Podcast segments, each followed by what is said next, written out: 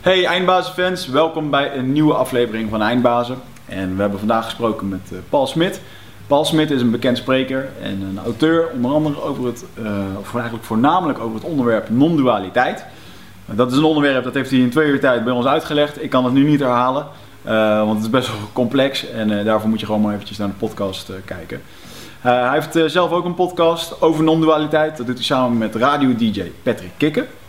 Uh, misschien was het een keertje leuk voor jullie ook om te luisteren. En uh, het was voor ons heel leuk om eens een keertje een Nederlandse podcast ook in de studio te hebben. Um, daarnaast een kleine plug voor onze sponsoren. Uh, zorg ervoor dat je eventjes naar nutrofit.nl gaat. En, voor al je supplementen en je gezonde spullen om jouw eigen lichaam te onderhouden. Gebruik daarbij de kortingcode EINDBAZEN en je hebt 5% korting op je hele bestelling.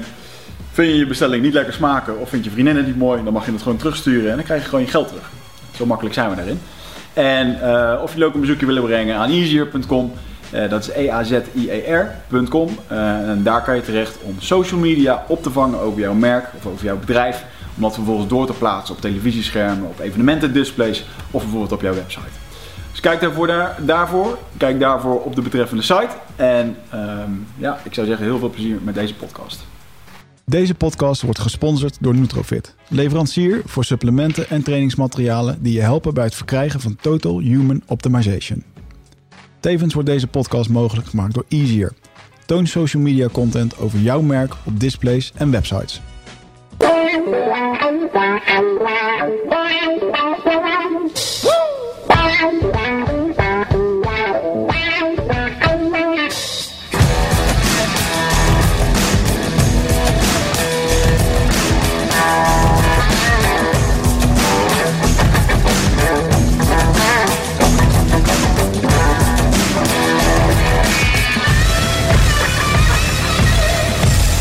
Oké, welkom iedereen. We hebben weer een nieuwe aflevering van Eindbazen.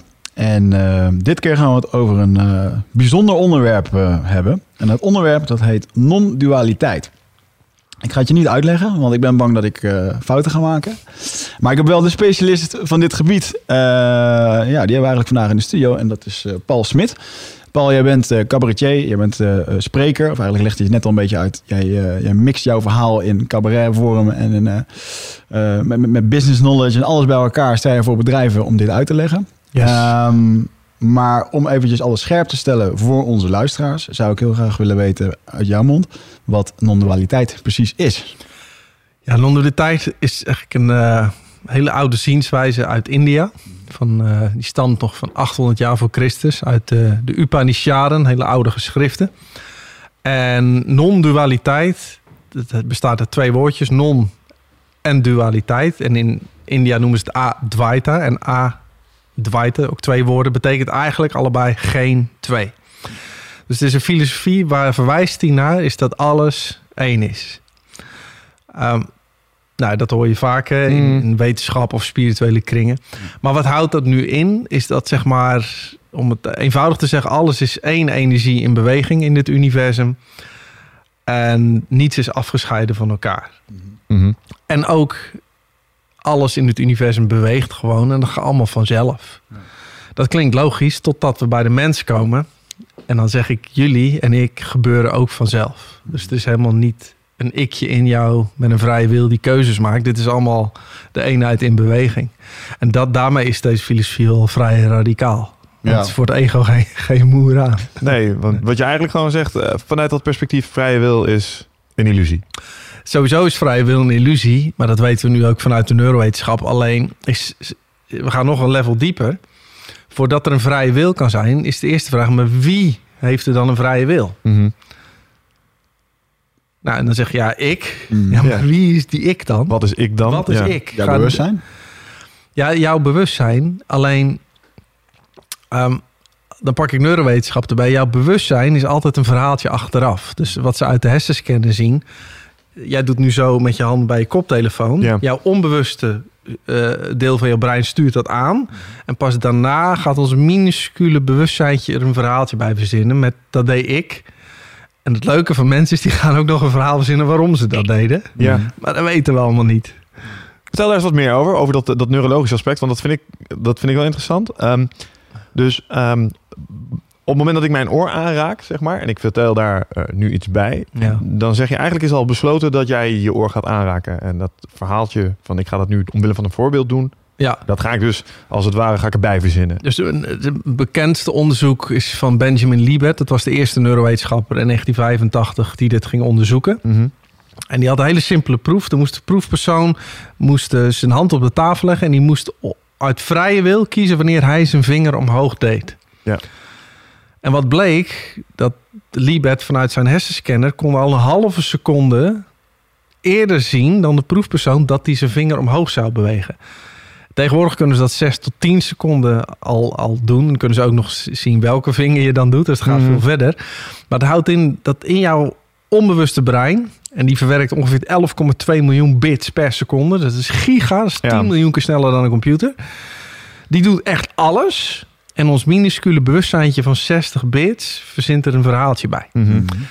Ehm, nou, dit zijn natuurlijk de hele paradigma van de mensen op zijn kop. Want wij zijn zo gewend dat wij met onze 60 bits bewustzijn de hele handel besturen. Maar dat is gewoon niet waar. Nee. Dus, dus ja, de vrije wil is... eh, dat weet de neuromarket is... eh, dat is helemaal hip, hè, neuromarketing. Mhm. Daar geef ik ook training in. Maar ja, die weten... Als ik jou iets wil laten kopen... dan moet ik eerst jouw onbewuste brein manipuleren. Ja. Ja. Dan koop jij het en dan lul je voor jezelf wel recht waarom je het kocht. Dat is wel, maar dat klinkt als next level mindfuckery, eigenlijk. Maar er is marketing totaal Sowieso, maar dit is next, hè, dit is de volgende stap. Maar eh, illustreer dat eens met een voorbeeld. Hoe werkt dat? Hoe, hoe zorg je ervoor dat je mijn koopbereidheid eh, onderbewust vergroot? Nou ja, ik, eh, Robert Cialdini, dat is zo'n marketingguru, die heeft onderzocht wat werkt nu. En in mijn nieuwe training geef ik ook twaalf principes van beïnvloeding. En dan Mhm. laat ik gewoon zien dat als je die twaalf bij je aantikt, dan ga jij kopen. En dat kan al zijn. ehm, welke kleur special werk weer het met marketing welke- genie. Welke geur werk je? Nou, jullie hebben bijvoorbeeld hier ook al eh, een product wat jullie verkopen. Ja, dat is ook al prachtig neergezet om het brein te manipuleren. En we kunnen heel diep ingaan hoor op die twaalf principes. Mhm. Maar ik zal een simpele noemen. Schaarste creëren. Ja, Wij als mens eh, raakten al eeuwenlang in paniek als er schaarste was. Want ja. Ja. als er geen konijnen meer waren of het water was op... Ja, je moest overleven. Mhm. Dus nog steeds zit zo diep verankerd in ons brein... dat als jij naar een, een vliegtuigwebsite gaat om een ticket te boeken... en dan zetten ze erbij nog vier stoelen beschikbaar. Dat is totale onzin, hè? ja wordt verzonnen. Wordt verzonnen. Het is nog vier stoelen voor dat bedrag wat erbij staat. Maar zo lezen wij dat niet. Maar wij Mhm. klikken massaal. Dat je denkt, zit ik al net mee? Ja, ja je wil Dus de boot niet missen. Jouw onbewuste brein raakt in paniek van die schaarste. Die, die klikt. En daarna komt ons bewustzijn die zegt, ik heb geklikt. En die praat voor zichzelf het weer recht waarom die het heeft gedaan. Dus het leuke van mensen is... Als je dit weet kun je geen normaal gesprek meer voeren hoor. Maar Ik wou zeggen, hoe functioneer je nog nu je weet dat je geen vrije wil hebt? Dat, nou ja, nee, het wordt super simpel. Want alles gebeurt gewoon. Alleen ik heb niet meer het idee dat ik het doe. Dus Ja. het leven is echt... Ja, en dat, is wat, dat verklaart meteen je antwoord net. Want eh, hè, voordat we de podcast begonnen, vonden wij, stelden wij de vraag: joh, wat heb je nou toen bewogen? Want je bent veel gevraagd om hier toch naartoe te komen. Ja. En je antwoord zijn: ik heb geen idee. Nee, dat weet ik niet. Echt, ik weet het, is ben. gewoon gebeurd, weet Ja. je wel. Het enige wat ik kan waarnemen is dat dit ding hier zit. Ja. En voor de rest, ik weet niet waarom. Ik vond het wel mooi. Ik zat met een van mijn vrienden te praten over dat jij eh, kwam. Toen deed ik een soort van introductie over non-dualiteit. En toen was hij heel star van... eh, oh ja, nou laat hem maar eens uitleggen waarom iemand zijn kind doodgaat. En ze van, ja, ja, dat gebeurt ook een soort van. Ja, en moet je dat dan gewoon accepteren zoals dat is? Of hoe, ga je om met dat soort situaties? Want jij moet ook in jouw familie... Er moeten er wel eens dingen gebeuren of wat dan ook... waar je denkt van... Oh, wat irritant dat... Ja, je, je, hebt, je, hebt geen, je hebt nergens een grip op. En je hebt nergens grip op, want je gebeurt gewoon. Ja. Dus kijk, eh, de regen kan er niks aan doen dat die valt. De wind kan er niks aan doen dat die waait. En wij kunnen er niks aan doen dat we een interview zitten te houden. Nee, maar de, Dus in, kind die overlijdt, ja, mijn eigen moeder is doodgereden op de snelweg. Ja, dat gebeurt ook, zeg maar. En Ja. dat je daarna verdrietig bent en bla bla, gebeurt ook. Ja. Dus dit is geen excuus om, om uit bij pijnlijke gevoelens weg te blijven. Maar dit is wel een stukje. Eh, laat ik het zo zeggen. De jongen die mijn moeder doodreed. Als ik denk dat hij iets anders had kunnen doen dan dat hij deed. Ja, Dan wordt het pijnlijk. Dan komt de haat en de Ja. wat als. En stel nu dat. En als gewoon gezien wordt dat die jongen is ook ik en die beweegt ook. En dit is wat het is. Dan is er nog steeds het verdriet van mijn moeder. Maar ik, er is geen haat naar die jongen of dat ik denk, sterk. ik, ik ga eh, een gun kopen en ik pak hem even. Dus Dat is wel echt heel sterk. dat verandert. Want toen dat gebeurde, ehm, Was je toen al een beetje op dit niveau waar je nu opereert? Nou, niveau klinkt zo. ja. Laat ik, zeggen, ik was enigszins hiermee bezig toen. je hebt dus hier een paar jaar voor nodig om dit, om dit je eigen te maken, om je eigen weg in te vinden. Dat geloof ik wel. Ja, nog steeds. Dit verfijnt zich nog steeds. Er is echt geen einddoel of iets. Maar het is gewoon, als je op een gegeven moment gewoon beseft dat het leven gaat zoals het gaat. Ja, als er dan eens wat misgaat, wat erbij hoort, ja, dan gaat het gewoon een keer mis. Dat maakt ook allemaal niet uit. Ja. Wat dan wel eh, plots interessant wordt, is hoe komen besluiten dan wel tot stand in die filosofie? Eh, waarom eh, gaat er uiteindelijk, hè, want eh, we kunnen dus blijkbaar registreren dat voordat we er bewust voor kiezen om die vinger omhoog te doen, gebeurt er al het een en ander onderbewust. Ja. Dat besluit wordt op een gegeven moment, hè, dan begrijpt mij het gevoel van dit is dus een computertje. Dus er zullen bepaalde Nou, Als zo kun je het brein zien. Dat is een stukje software. Ja, dus er gaat ergens een algoritmetje lopen. En Ja. ergens zegt dat ding ping, dit is het antwoord. En dit is natuurlijk een heel simpel voorbeeld. Maar stel je, je, je moet wisselen van baan. Of je zit met iets in je relatie en je moet keuzes gaan maken. Ehm, dat zijn lastige, eh, eh, lastige situaties met heel veel variabelen. Ehm, is dat niet meer als een uitkomst joh, van een dat- grote rekensom? Dat, dat is precies hetzelfde. Er is geen verschil. Maar dit is al, als jij iets koopt, dan gaat eigenlijk jouw insula, je pijnsysteem in het brein, gaat strijden met je nucleus accumbens, je beloningssysteem. Mhm. Dus stel, ik wil eh, die, die, die stamina-pillen kopen, zeg maar. Dan, dan is het deel van mijn brein zegt, ja, die moet ik hebben. Dat is gezond voor me. En dan die maakt wat endorfine aan. Dan voel ik me goed bij. En Mhm. dan kijk ik naar het prijskaartje en denk ja, 40 euro. Dat, dat is de pijn, zeg maar. Mhm. Hè?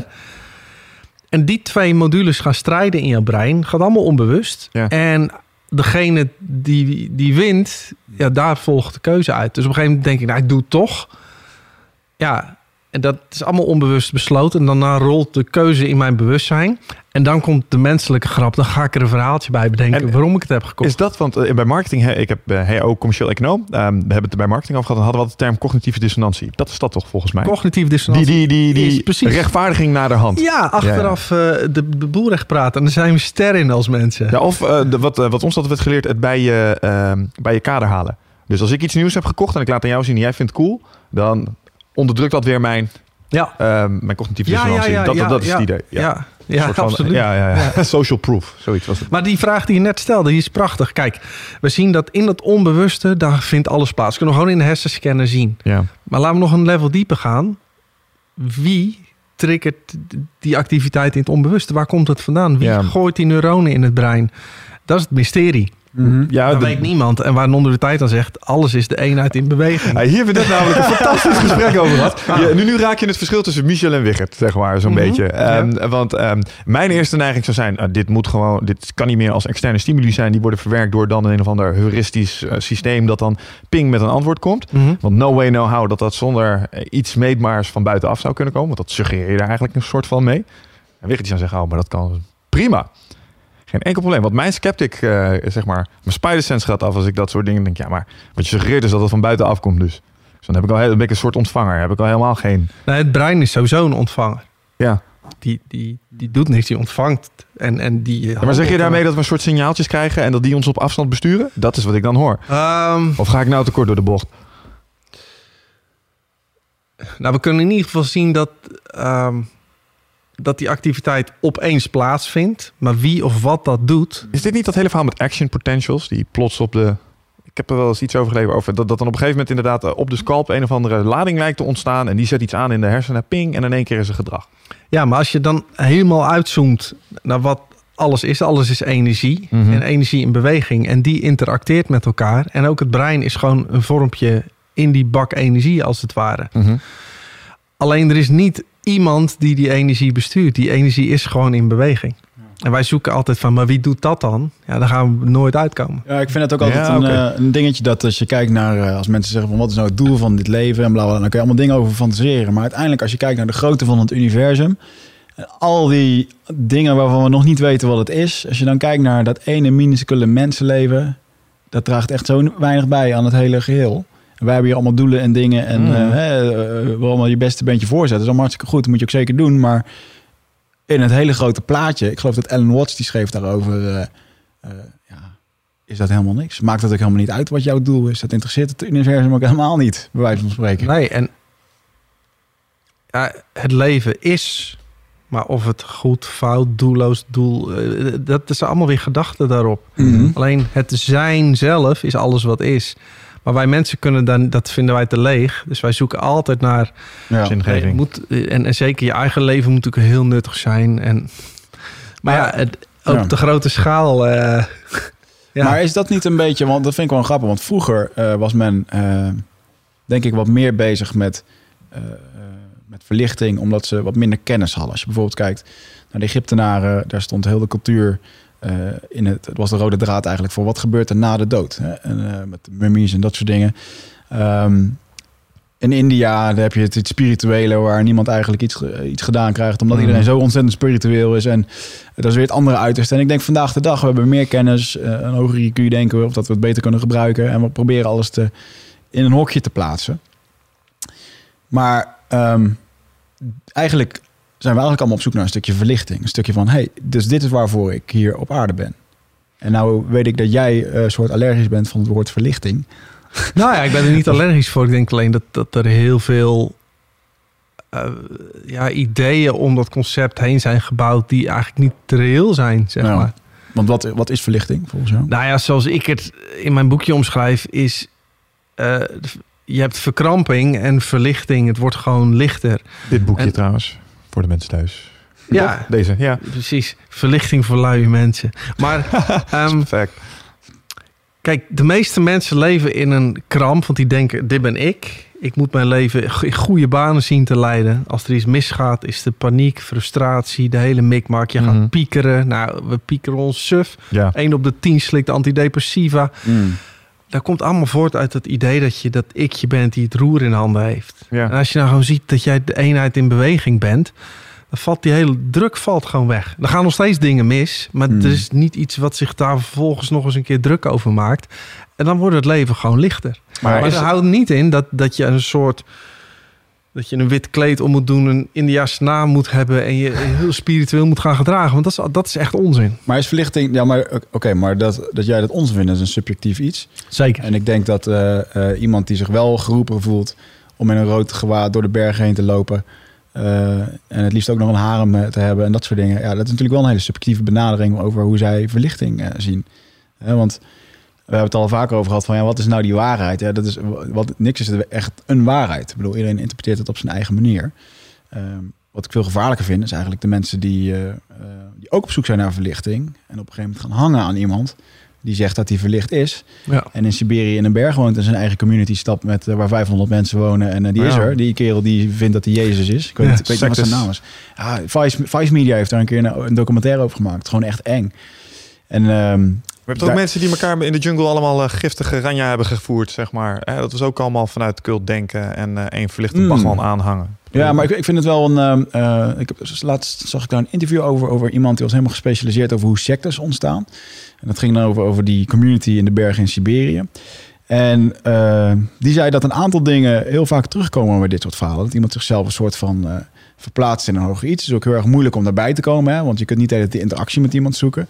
Dat hij bijvoorbeeld ook heel hoog op die berg woonde. Dat het gewoon iedere keer een hele opdracht was om daar naartoe te komen. Dat dat allemaal bijdraagt aan dat psychologische effect van, eh, oh, we gaan nu naar de meester.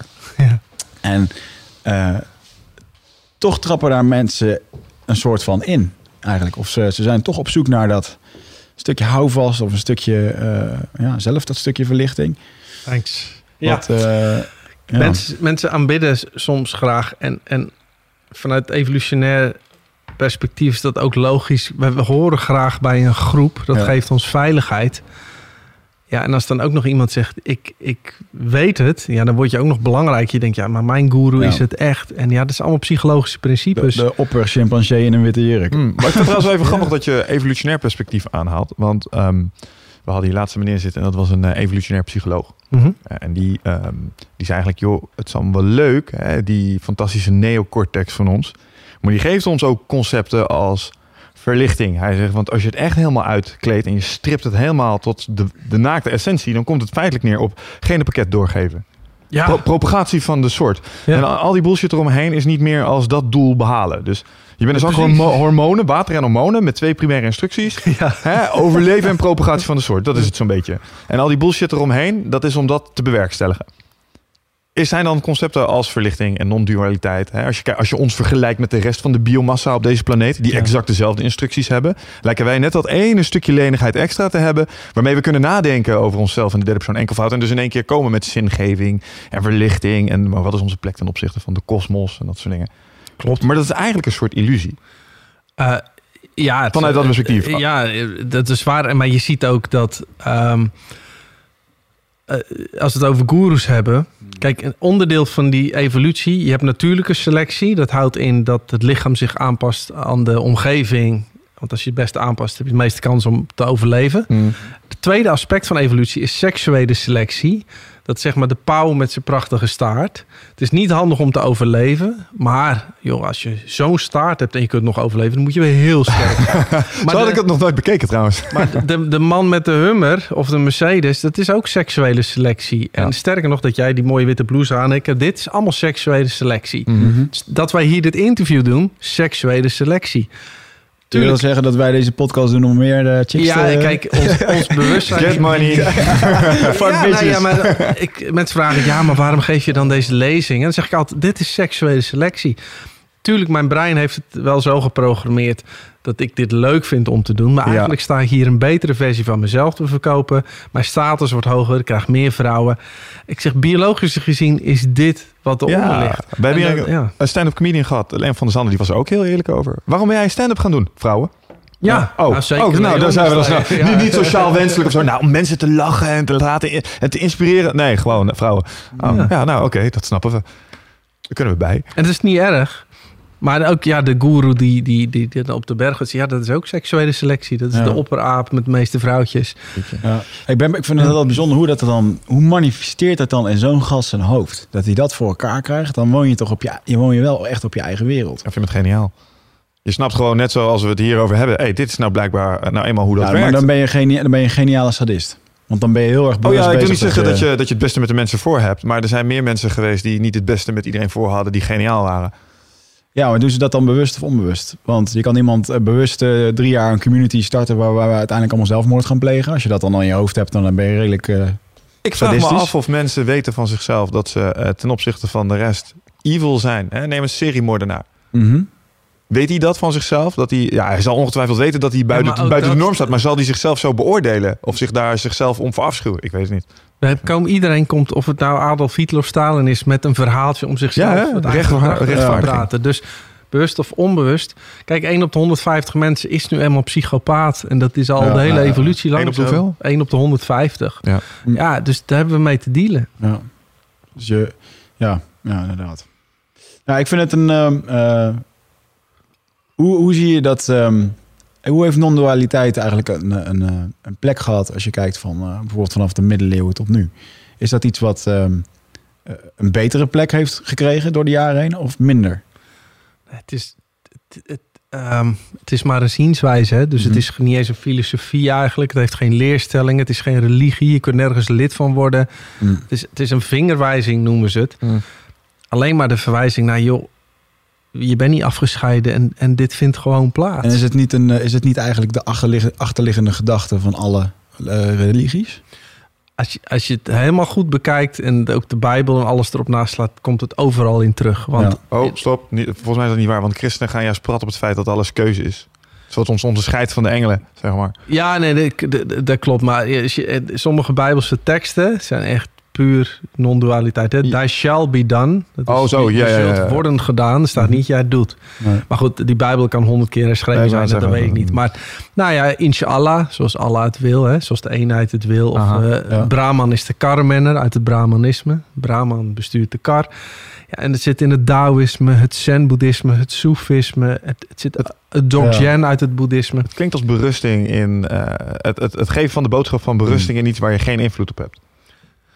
Dat is het eigenlijk. Ja, dat is, want, eh, zonder- dat is wat nu wel. vervolgens nihilistisch te worden. Want dan denkt het ikje weer, oh, ik heb geen invloed, ik doe niks. Dat is weer een valkuil. Dus zoals je in India soms ziet, van ja, dit is nu eenmaal. En die Ja. doen Ja, niks wat, meer. wat is nihilisme precies? Nihilisme is gewoon dat je zegt, nou, het gaat toch zoals het gaat. Ja, en dan gaat het systeem, Mhm. doet ook geen moeite meer. Maar het is wel een logische reactie op het gedachtegoed van non-dualisme. Of met name eh, het- Ja. de, de gebrek aan vrije wil. We hebben het hier in de podcast wel eens eerder gehad over een experiment waarbij ze mensen een briefje gaven. Twee groepen mensen. Vrije wil. En Wicht geef ik een briefje vrije wil bestaat niet. Jij leest het briefje over vrije wil dat het hè, wel bestaat. Hij dat het niet bestaat. Ik laat jullie volgens activiteiten uitvoeren. Spelletjes onder andere. En dan is de kans groter dat hij vals speelt. Ja. Waarom? Omdat dat nihilisme dan volgens ja, nou, het heeft toch geen zin. Dus eh, dit pleit mij helemaal vrij van verantwoording. Dat is het idee. Daarom zeg ik ook altijd... Ik zeg, natuurlijk, er is geen vrije wil, alles gebeurt gewoon. Maar er is de beleving van een vrije wil. Er is Mhm. de ervaring van een vrije wil. En die ontkennen slaat nergens op. Er is ook geen tijd en ruimte.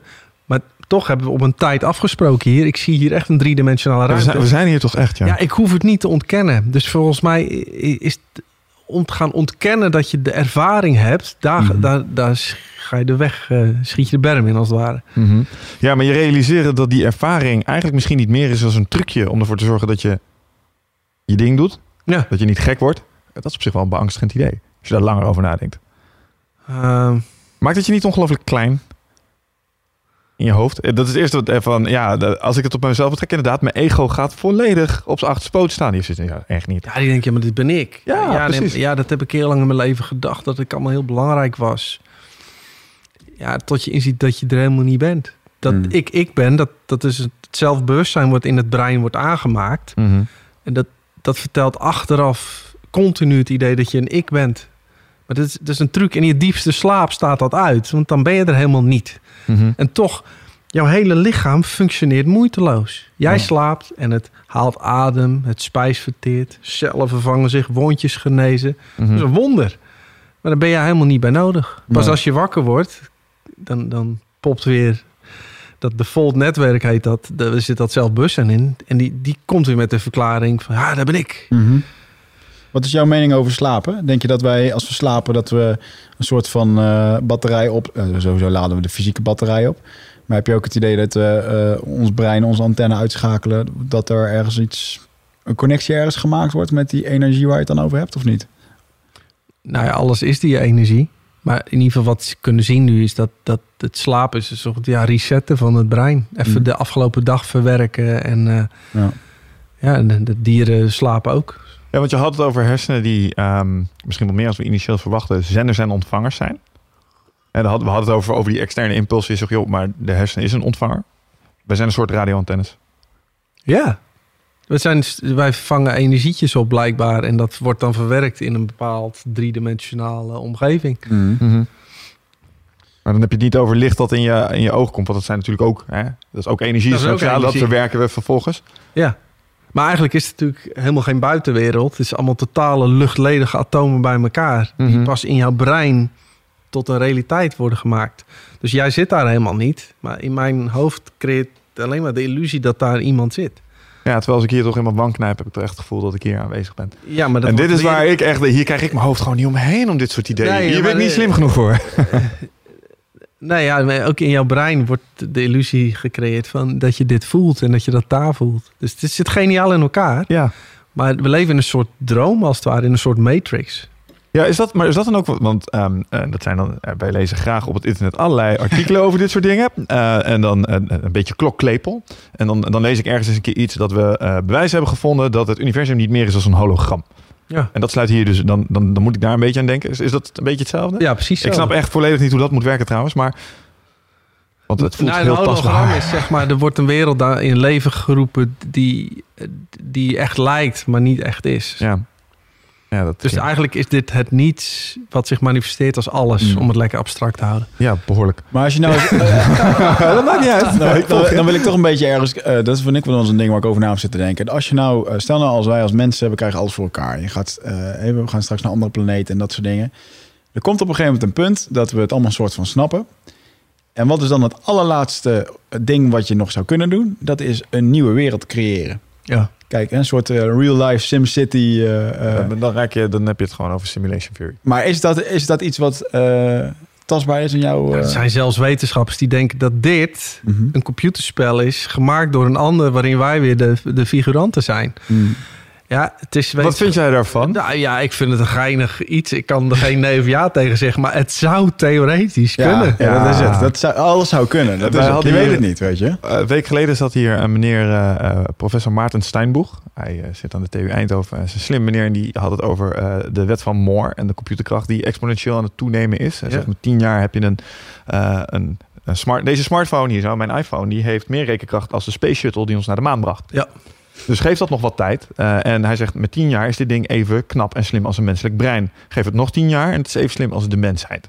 En toen kregen we het inderdaad ook over dat eh, op het moment dat je zoveel rekenkracht hebt, kun je ook inderdaad allerlei simulaties gaan maken. En dat inderdaad simulation theory een, eh, een model is dat zegt, als je genoeg rekenkracht hebt, kun je een heel universum nabootsen. Ja. En als je dat kan, dan is de kans aanwezig dat dat alles een keer gedaan is. En dan zou de kans ook aanwezig zijn dat we erin zitten. Ja. Ja, en dat vind ik op zich, ja, het is een heel geinig eh, Ja, idee, maar daar word je ook eh, niet vrolijk van. Dat, ze hebben natuurlijk al software nu die evalueert. Ja. Dus het is een heel simpel principe. Je maakt een heel simpel computerprogrammaatje met een paar codes. Ja. Die muteert zich een miljoen keer. En bijvoorbeeld om de beurs te voorspellen hebben ze het nu. Van die miljoen kijk je welke drie zijn het best gemuteerd. Die pak je en die muteren zich weer een miljoen keer. Dus precies hetzelfde als evolutie. Ja. Nou, doe dat achter elkaar. En nu zie je dus dat de software bestaat die de beurs voorspelt. Geen enkele programmeur op aarde snapt het. Maar dat is precies hetzelfde als ons DNA. Hm? Oh. Het is Ja. giga goed geprogrammeerd en niemand snapt het. Ja, eigenlijk is DNA niet meer als biologische programmeercode natuurlijk. Ja, dat is dus ook heel erg vaag. Dat je, ehm, als je kijkt hoe dat eh, mieren eh, jagen, die communicatiestroom die zij er afgeven, dat kunnen ze schijnbaar meten. Hoe doen ze dat- dat dan? Ja, ja. Met z'n allen sowieso, Oh, ja. maar... Eh, ja oh, je wilt jagen. Ja, ja, maar hoe geven ze die sporen af? Oh, nou ja, ja, geen idee. Ik denk op, eh, op geluid dat er zo'n soort van. eh, ik weet dat het. ze hebben het in ieder geval kunnen meten. En die, eh, dat gaf een bepaald patroon. En dat is hetzelfde patroon als dat de data heen en weer wordt gestuurd via het internet. Dus bijna feilloos. Oh, bizar. Oh. Gewoon een protocolletje of zo waar het overheen loopt. Ja, een informatiestroom. Op wat voor manier dan ook. Ja, dat, dat doet mij dan altijd weer denken aan... ik denk dat- op geluid hoor, dat ze dat trouwens hebben ja, opgenomen. of geur of pheromonen of zo. Dat, eh, je hebt ook een verhaal, en ik weet altijd nooit of dat, of dat klopt. eh, maar dat als je dan eh, groepen apen hebt die op eh, eiland 1 zitten en, eh, en eiland 2. En de groep apen op eiland 1 die leert iets. En zonder dat er onderling contact is geweest, leert groep 2 het plots ook. Ja. Die lui hebben dus een soort internet blijkbaar onderling, want anders kan dat niet. ja, dan begint de ene aap, die pakt een aardappel. Er zit- zit aardappel en die wast hem in het water af. En dan zien ze dat aan de andere kant van de wereld doen ze dat opeens ook. Ja, super waar. Wat Ja, is dat? Dan zie je toch dat het een soort... Ja, Connectie. de- de- alles is, is Ja, gelinkt aan elkaar. Hè? Dat geeft dan weer credence aan het hele verhaal. Ja, het is allemaal één. Als dat soort dingen echt gewoon aantoonbaar gewoon gebeuren, dan denk je, ja, oké, maar hier moet toch iets omheen bewegen dat dit faciliteert. Ja, maar ook vanuit de kwantumfysica komen ze erachter dat je kunt het zo diep graven als je wilt. Je komt op het nulpuntveld uit, of unified field, zoals ze het noemen. En dat is gewoon, dat, ja, het is gewoon één bonk Wat is dat? Wat is dat? ja, mijn, potentiële energie, als het eh, ware. die zit midden in de aarde bedoel je? Of hoe moet Nee, nee, nee. Als je zeg maar alle deeltjes tot min 273 graden bevriest... en dan is het echt, alles ligt dan stil. Maar dan beweegt het toch nog een beetje. Maar daaronder zit Ja. echt een giga... Daar zeggen ze, dat is die energie is zo heftig... dat als je één kopje daarvan zou hebben... dan zou heel de oceaan mee kunnen koken. Dus da- daaronder Zo. ligt iets heel bizars, zeg maar. Alleen de truc is volgens mij dat we, ehm, eh, dat is wat Tesla volgens mij, eh, eh, de meneer, eh, nee, Hmm. niet, niet meneer, Te- ja, ja, ja, Ja. Die, die dacht dat dat daar oneindige energie uit te halen was. Ja. En ik heb daar toevallig iets over zitten lezen. Het, het schijnt moeilijk te zijn dat het is, want als je er iets uithaalt, moet het ook weer terug. En een perpetual motion machine is dus niet mogelijk. Nee. Want dat is eigenlijk een oneindige bewegingsmachine, is Mhm. oneindige energie. Ja. Dat is de heilige graal van de wetenschap, Ja. want dan ben je van al je problemen af in principe. Ja. Ja, het is blijft... Maar en, en de wet had het gedacht dat de unified field dat dat daar een optie voor was. Maar dat schijnt niet helemaal zo te zijn, want je gaat er toch meer in moeten stoppen als dat je eruit kan halen. En daarom werkt het niet. Ja. Tenminste, nog niet voor ons. Maar, dat is, eh, maar wat heeft dat precies met die non-duali- non-dualiteit te maken? Nou ja, dan? daaruit is, eh, blijkt dat alles is de eenheid... en alles is met elkaar geconnect. Hmm. Dus niets afgescheiden van elkaar. Ook de lucht die jij nou inademt, de koffie die ik drink. En ik, dat is allemaal één. Het is eigenlijk de cocon waarin ons, heel uni- ons hele universum zich, zeg maar... Ja, het is, het, is, het is één oceaan waarin alles een druppeltje is als het ware. Ja, even checken of het Hij allemaal doet zo- het nog. Excellent. Toppie.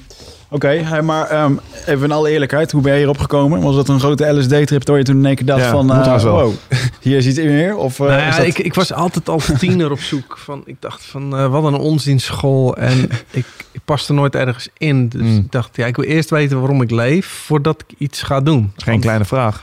Nee. Nee, maar ja, toen begon om mijn elfde en eh, naar de bibliotheek. En ja, dus ik zat Ik zie je al zo staan daar voor die baan. Heeft u ook boeken over eh, waarom ik hier ben, mevrouw?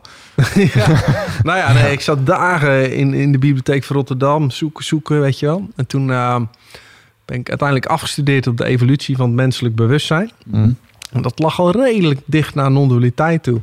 En toen op mijn 29ste vond ik een boekje over non-dualiteit. Ja, Ja. dat was gelijk. Bam! Ik zeg, godsamme, hoe heb ik het over het hoofd kunnen zien? Ja. Ja, ja. Want ik wist wel dat ik geen vrije wil had, maar zelfs dat, dat het idee dat ik een ik ben, Mhm. dat is ook illusoir. En dat zag ik over het hoofd. En dus dat was voor mij echt zo'n, ah, tuurlijk. Ja.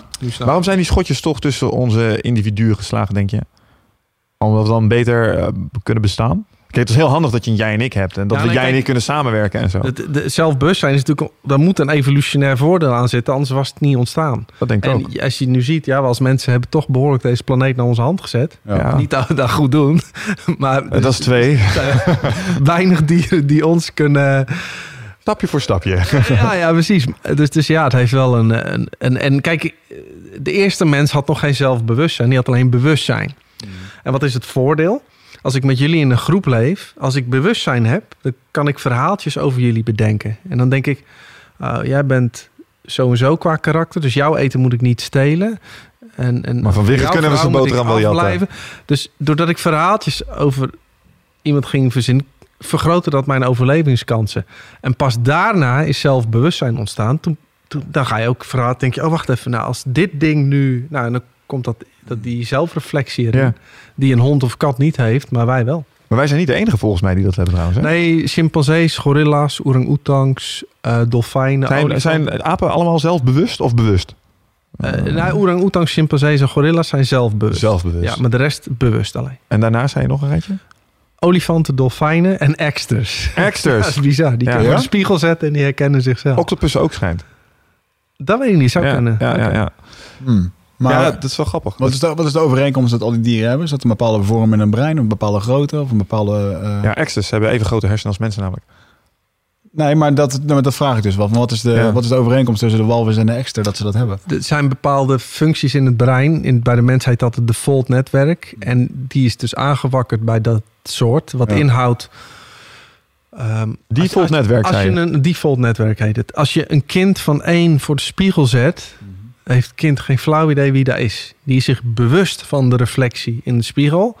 maar die is zich niet zelfbewust. Die weet niet, dat ben ik. Mhm. Vanaf anderhalf jaar gaat het brein dat aanmaken. En dan opeens is het, hey, dat ben ik. Dus je ziet dat een kind tot anderhalf jaar is totaal relaxed. Ja, maar hij heeft ook helemaal geen referentiekader. Ik bedoel, Nee. hij is nieuw op de wereld en dat, eh, dat, dat leeft lekker. En dat leeft eigenlijk zoals hij zou moeten leven. Hè? Ja. Zonder angst en zonder... eh, En, en je ziet bij kinderen tot je, je echt je default netwerk gaat ontwikkelen tussen je negen en twaalfde. Dus een kind tot een jaar of negen is eigenlijk wel vrij vrij en zorgeloos. En die leeft lekker in het nu, weet je wel. Mhm. En daarna begint het gedonder. ja. Ja. Ja. Heb jij wel eens eh, stappen ondernomen om, eh, om dit te begrijpen? En dan bedoel ik meer in de psychedelische hoek of in de eh, meditatiehoek of in de... ja. Ik ben zelf, hoek misschien. ik ben zelf een fervent ayahuasca-aanhanger. En ehm, nou ja, ik denk dat dit een feestje voor jou zou zijn als je daar aan mee zou doen. Want dan, eh, dan krijg je in één keer eh, uitleg, antwoorden, eh, een inzichten. Eh, zijn dat dingen waar je wel stappen naar hebt ondernomen? Ik heb drie keer spontaan zo'n blisservaring gehad. Ehm, Gewoon uit het niets. Je zat in de auto niets. en dan pijn. Ja, twee hele korte en één die was lang. Ja, dat, opeens zegt ze, hè, weet je wel? Ja. Maar wacht even, ik ben het universum en alles draait om. Maar het is mijn ayahuasca. En vrienden van mij hebben het ook wel gedaan. Ja, dat is Mhm. top. ja. Want dan kun je het echt even Voelen, zien. voelen. ervaren. En dan voel je dat. dan voel je let, want eh, weet je, sommige mensen krijgen helemaal kippenvel als ik zeg van alles is één. Ehm, maar het is zo bijzonder om daar te staan. En dan ook dat shamanisme überhaupt al. En dat zo'n kerel daar, zo'n kerel die dit al 60 jaar doet. Dat die gewoon eh, je laat ervaren wat puur geluk is. Of wat puur eh, oneindigheid is. Of, en dat je dat gewoon voelt. Het Ja. eens uitgelegd te worden. Weet je Ja? En dat is gewoon echt... eh, ja, dat is kikker. Ja, tof. Het is ook een van de beste. Dat is wel grappig, want we zijn redelijk eh eh, alpha-mannetjes eh, podcast aan het doen.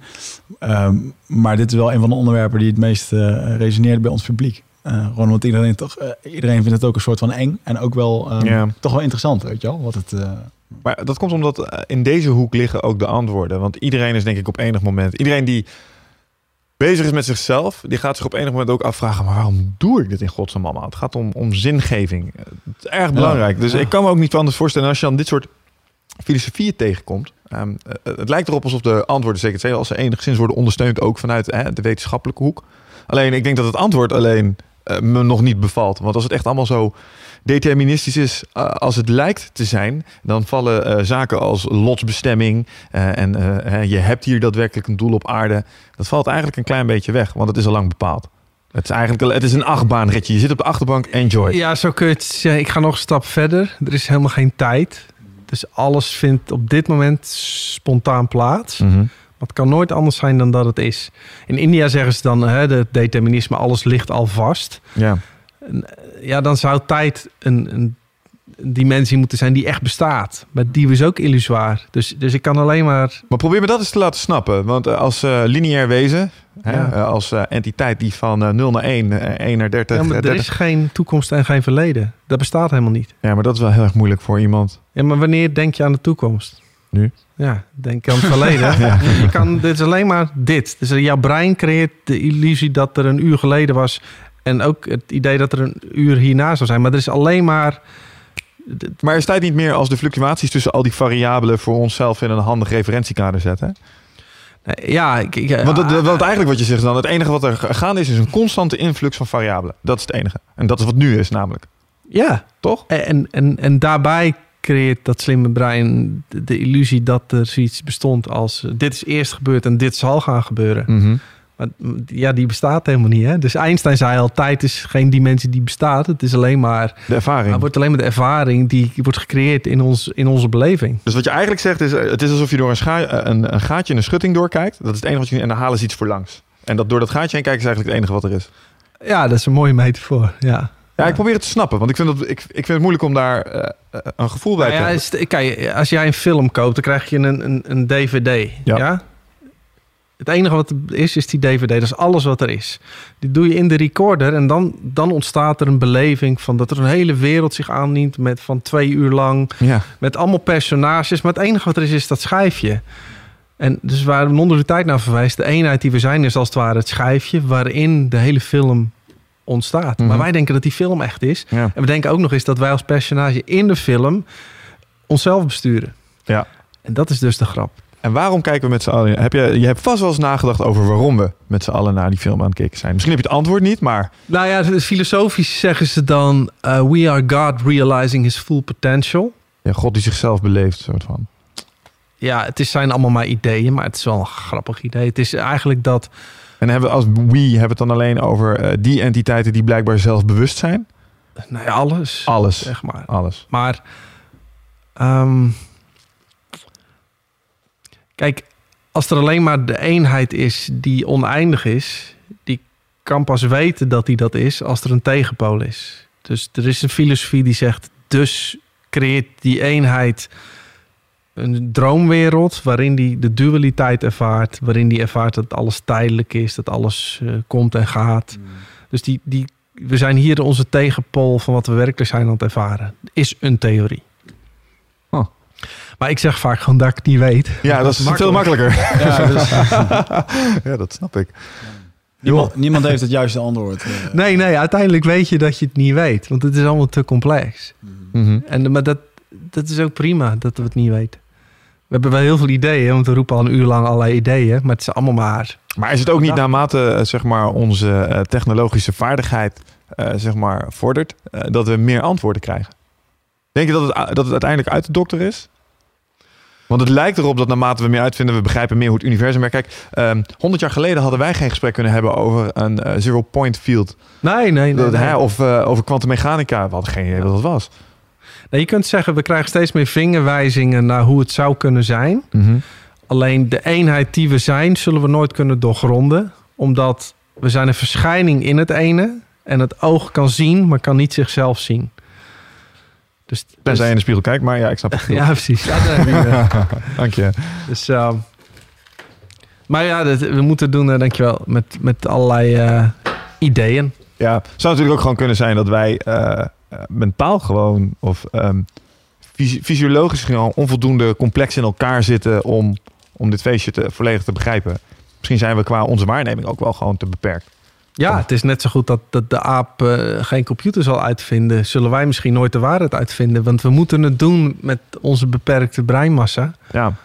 En hoe, help jij, hoe helpt dit jou in. ehm, of hoe helpt het jou om anderen eh, hier ehm, een stukje toegevoegde waarde mee te creëren in je leven? Want het heeft ongetwijfeld benefits voor je. Van oké, ik, ik snap nu dat dit eh, een eh, mogelijke waarheid zou kunnen zijn.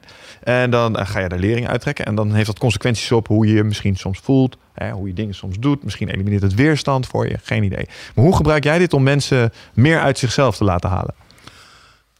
Ja, daar ben ik eigenlijk niet zo mee bezig. Niet? Ik, want de meeste mensen die, die hebben hier helemaal niks mee. En die willen het helemaal niet horen.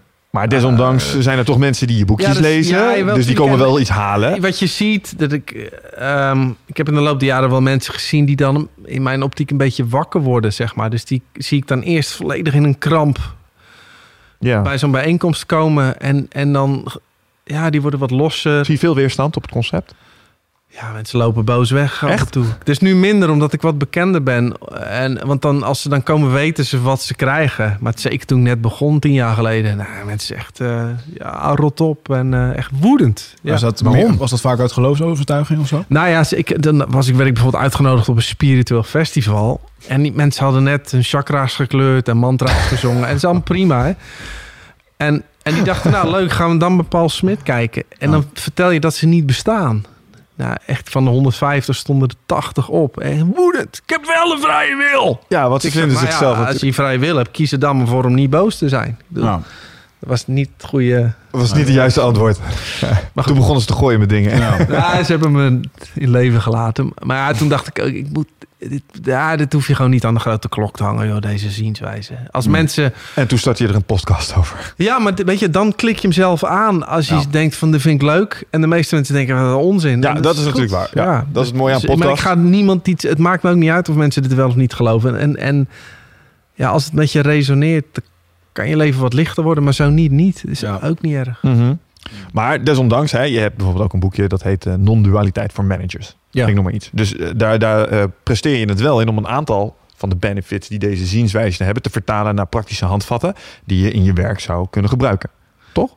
Ja, voor degene die daarvoor openstaan. Nou, maar stel, ik zie- sta, ik sta daar ja. wagenwijd voor open en ik denk, joh, teach me. Wat zijn dan dingen die ik als manager kan halen uit non-dualiteit? Nou ja, wat je in het bedrijfsleven ziet, is dat alles is overgereguleerd en in protocollen gedaan. En, en wij proberen de organisatie te sturen middels Excel-sheets. Mhm. Ja, dat is een verloren zaak. Ik bedoel, een stukje structuur is hartstikke handig, maar er zijn zoveel variabelen die maken dat iets gaat zoals het gaat. En jij, Mhm. het is leuk als je financieel boekhouder bent, maar jouw spreadsheet is geen weerspiegeling van de realiteit. En ik probeer dan managers te laten zien van alsjeblieft, laat het even een beetje los en zoek bij mensen eens naar hun intrinsieke passie en drive. Dan kan, kunnen dingen weer een beetje gaan stromen en tot leven komen. Want Mhm. Ja, je ziet alleen soms mummies die, die doen wat de baas zegt. Ja. En dat de baas dan vervolgens nog teleurgesteld is dat ja, we moeten wel eh, passie hebben. Ja, Ja. dat heb je er net uitgeramd. Ja, dat was volgens eh, meneer Bas Kodde, die hebben we hier eh, laatst ook gehad. Dat was een van zijn, van zijn dingen. Van, joh, er is geen snellere manier om mensen, zeg maar, ehm, ja, zeg maar, murm te slaan. Of in ieder geval de passie eruit te halen als ze te gaan lopen controleren. Inderdaad, management by Excel. Ja, joh, zijn. Het, het, het is. Ik was van de week zal het bedrijf niet noemen, maar die directeur zei: Ja, ik moet natuurlijk naar mijn aandeelhouders. Die willen alleen maar sheets zien. Hij zegt: Ik heb één iemand aangenomen, die doet de hele dag alleen maar sheets maken.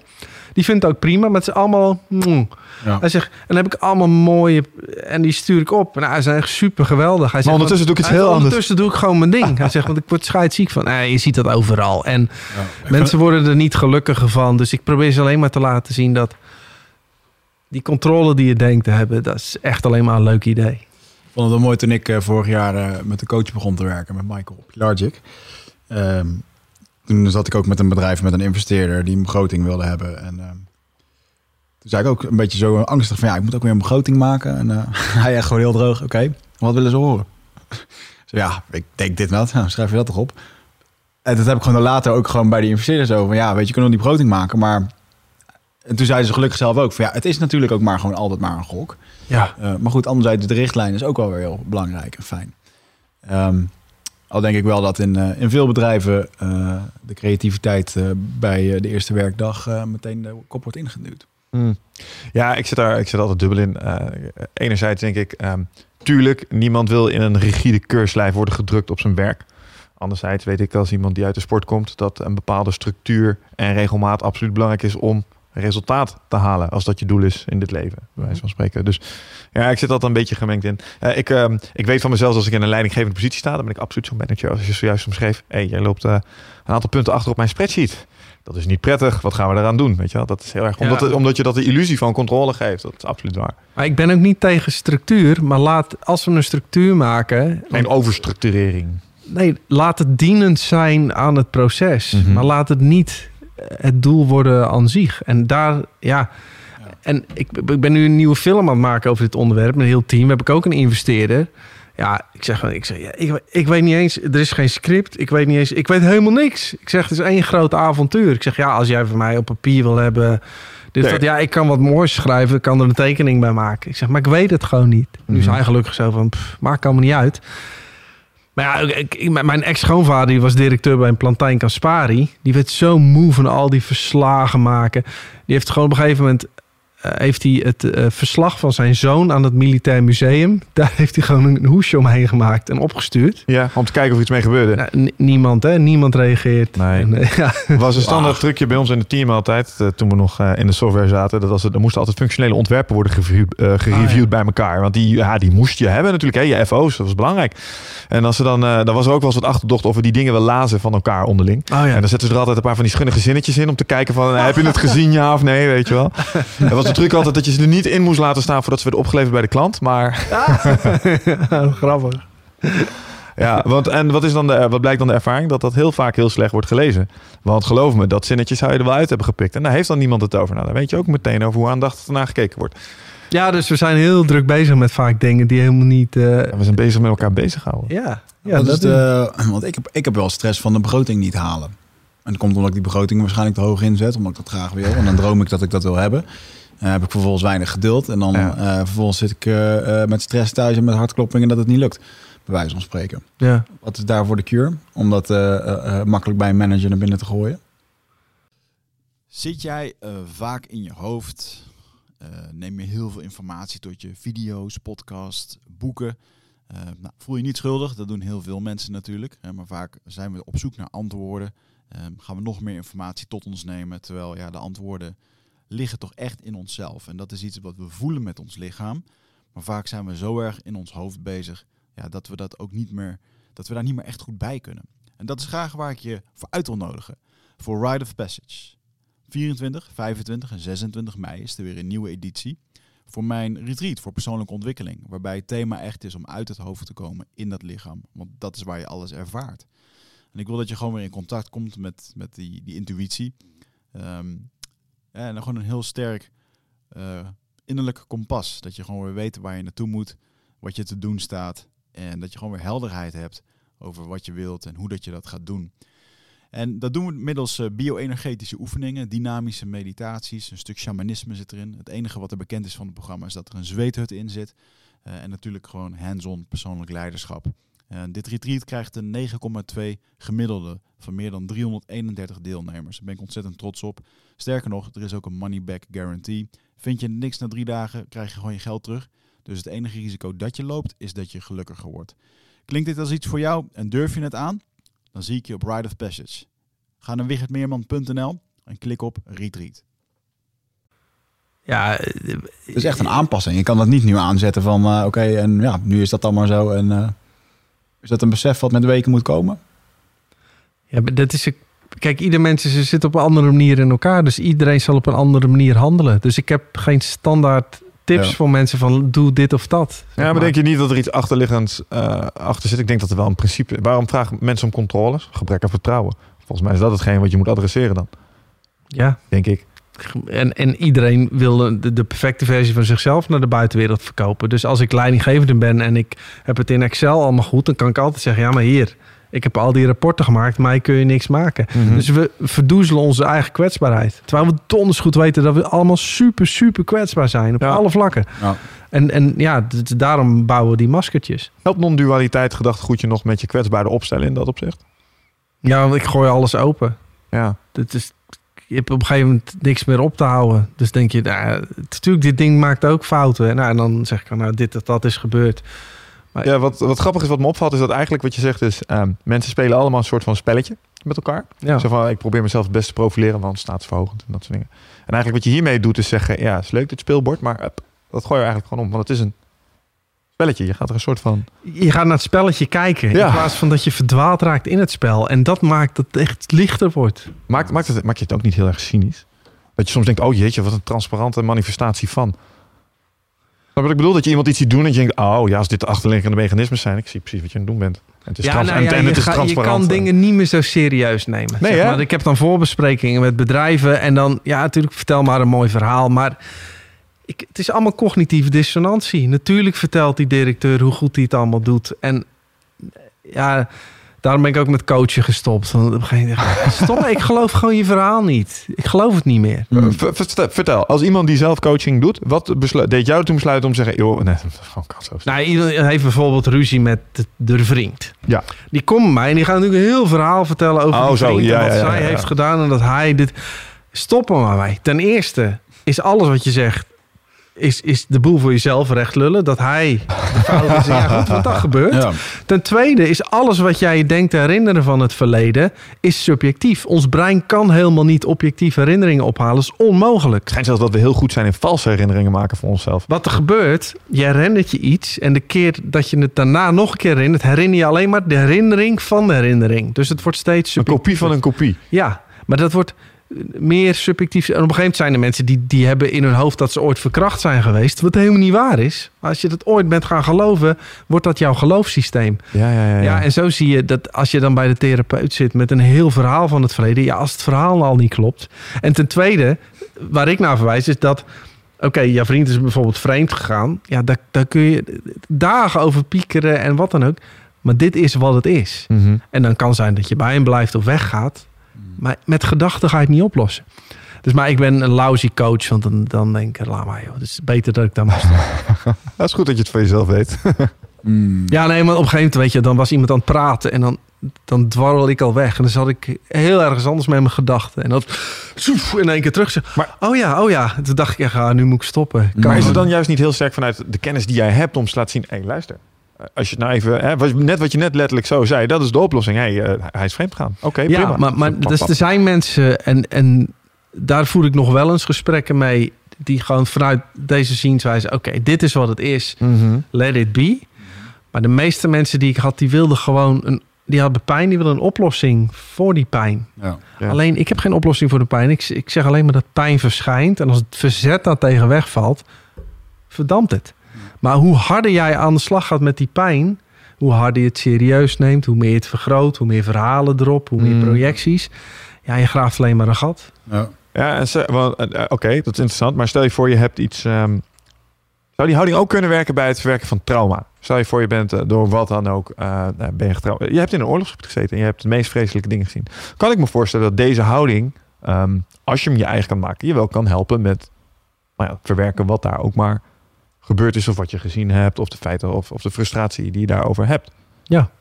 Als je ziet dat dit is wat het is, dat het nooit anders heeft kunnen zijn. En dat niemand ooit iets anders heeft kunnen doen. Jongen, dat is al zo'n bevrijding qua gedachten. Mhm. En dan nog heeft het brein waarschijnlijk jaren nodig om zichzelf weer wat te resetten. Maar ja, Gewetensvraag. Hoe kijk jij tegen iemand aan die, ehm, eh, die iemand heeft aangerand? Vanuit dit perspectief. Ja de- Want, want eigenlijk zou je, als je, als je het eh, gewoon heel feitelijk kijkt, ja, hij, kan, hij, gewoon. hij kan niks doen. Ja, het gebeurt gewoon. Maar eh, zeg maar, de tweede reactie, eh, of de eerste reactie die ik dan voel, is die gast die moeten we opknippen met z'n allen. Bij wijze van spreken. Ehm, dus het is heel moeilijk om op dat moment te denken, ja, hij kan er ook niks aan doen. Want eigenlijk ontslaat non-dualisme hem van de schuld dat hij dat gedaan heeft. Of zie je dat anders? nee, kijk, de energie die die handeling heeft verricht, diezelfde energie krijgt ook een reactie daarop. Dus dat de rechter hem vervolgens naar de gevangenis stuurt, is gewoon in het verhaal een logisch actie en reactie. Zelfs ondanks het feit dat hij er eigenlijk geen invloed op had. Nee, maar de rechter heeft ook geen invloed op dat hij hem eh, in de gevangenis stuurt. Ja, dus we vanaf zijn geboorte was hij al veroordeeld tot Ja, eh, sommige mensen zijn nu eenmaal, die hebben een bepaald defect in het brein en die worden psychopaat bijvoorbeeld. Mhm. Ja, dat als je in de gevangenis zien ze ook dat ehm, bepaalde delen in het brein zijn meer actief b- bij veel gevangenen dan bij normale mensen, om het zo Ja. te zeggen. En ook mensen in de top van het bedrijfsleven hebben vaak een stoornis. Want ja, dat is echt Oh, die kan ik wel plaatsen. Dat zijn psychopaten, want alleen iemand met die stoornis offert Ja. zijn hele leven op om dat doel te bereiken. Een normaal iemand die zou halverwege denken, nou, Zo is wel mooi relativeren, weet je. Ja, ja, ja. ja. Ja. Nou, dat is wel grappig. Eigenlijk is iedereen dus... Eigenlijk elk succesvol mens is eigenlijk ergens gestoord. Op dat ene dingetje wat ze heel erg graag willen doen. Ja. Lijkt het dan wel. Ja, ik- Dat kan als-. En creatieve mensen zijn vaak een beetje autistisch weer. Dus er zijn allemaal linkjes, zeg maar. Ja. Ja. Creatieve toe, psychopaat zit, zit tegenover mij. Nou ja, blijkbaar wel. Ehm, maar dit lijkt dan eigenlijk ook wel een klein beetje op ehm, het butterfly effect. Dat dus eigenlijk alles maar zo invloed kan hebben op de uitkomst van een bepaalde situatie. Want dat is wat determinisme zegt. Het, het kan maar zo zijn dat ik ergens iets hoor. Dat sla, ik hoor iets in het voorbijgaan. eh, Ik ben bij een klant, ik hoor in het voorbijgaan hoor ik iets. Dat sla ik op in mijn hersenen. Ja. En de volgende keer kom ik in een situatie en dan probeer ik alle relevante kennis naar boven te halen. En dan is dat toevallig het stukje dat ik naar boven haal. En die geeft het duwtje naar besluit A in plaats van B. En zo zie je ook dat alle grote wendingen in je leven komen per toeval uit de lucht vallen. En opeens is daar de nieuwe relatie, de nieuwe baan of het ontslag of wat dan ook. Ja, die controle hebben we helemaal niet. Ja, als je tien jaar geleden een fragment had laten zien van hoe je leven er nu uitziet, nou ja, dat had je nooit kunnen vermoeden. En Ja, over dat tien jaar weet je het weer niet. Maar, En dan kun je nu een Excel-sheet maken, maar het gaat je niet lukken. hmm. Ja, wij geloven wel in de kneedbaarheid van eh, je uitkomsten. In de zin van dat het eh, zinnig is om eh, voor jezelf op te schrijven, bijvoorbeeld wat het nou eigenlijk is, wat je wil bijvoorbeeld in je carrière. Laten we eens als voorbeeld nemen. Ik wil binnen mijn carrière bepaalde dingen doen. Dat het heel erg praktisch is om die dingen gewoon voor jezelf manifest te maken, op te schrijven. Ja, maar ik zeg ook niet dat. Kijk, kijk ik, het is nog één keer uitgezoomder. Hè? Dat jij dat opschrijft en die doelen maakt. Is Voet ook, weer informatie in je hersenen die je ander gedrag gaan laten En dat doe jij ook niet. Dat vindt plaats in jou. Dus Ja, Ik, ja. ik ben nu een film aan het maken. Ja, dan maak ik ook een, een, een bepaalde eh, structuur, een planning, de juiste mensen op de juiste plekken en dan het, wat het doel is en een budget. Dus dat gaat Dat allemaal logisch. door. Ja, precies. En, en ja, binnen het verhaal gezien heeft dat dan effect op het eindresultaat.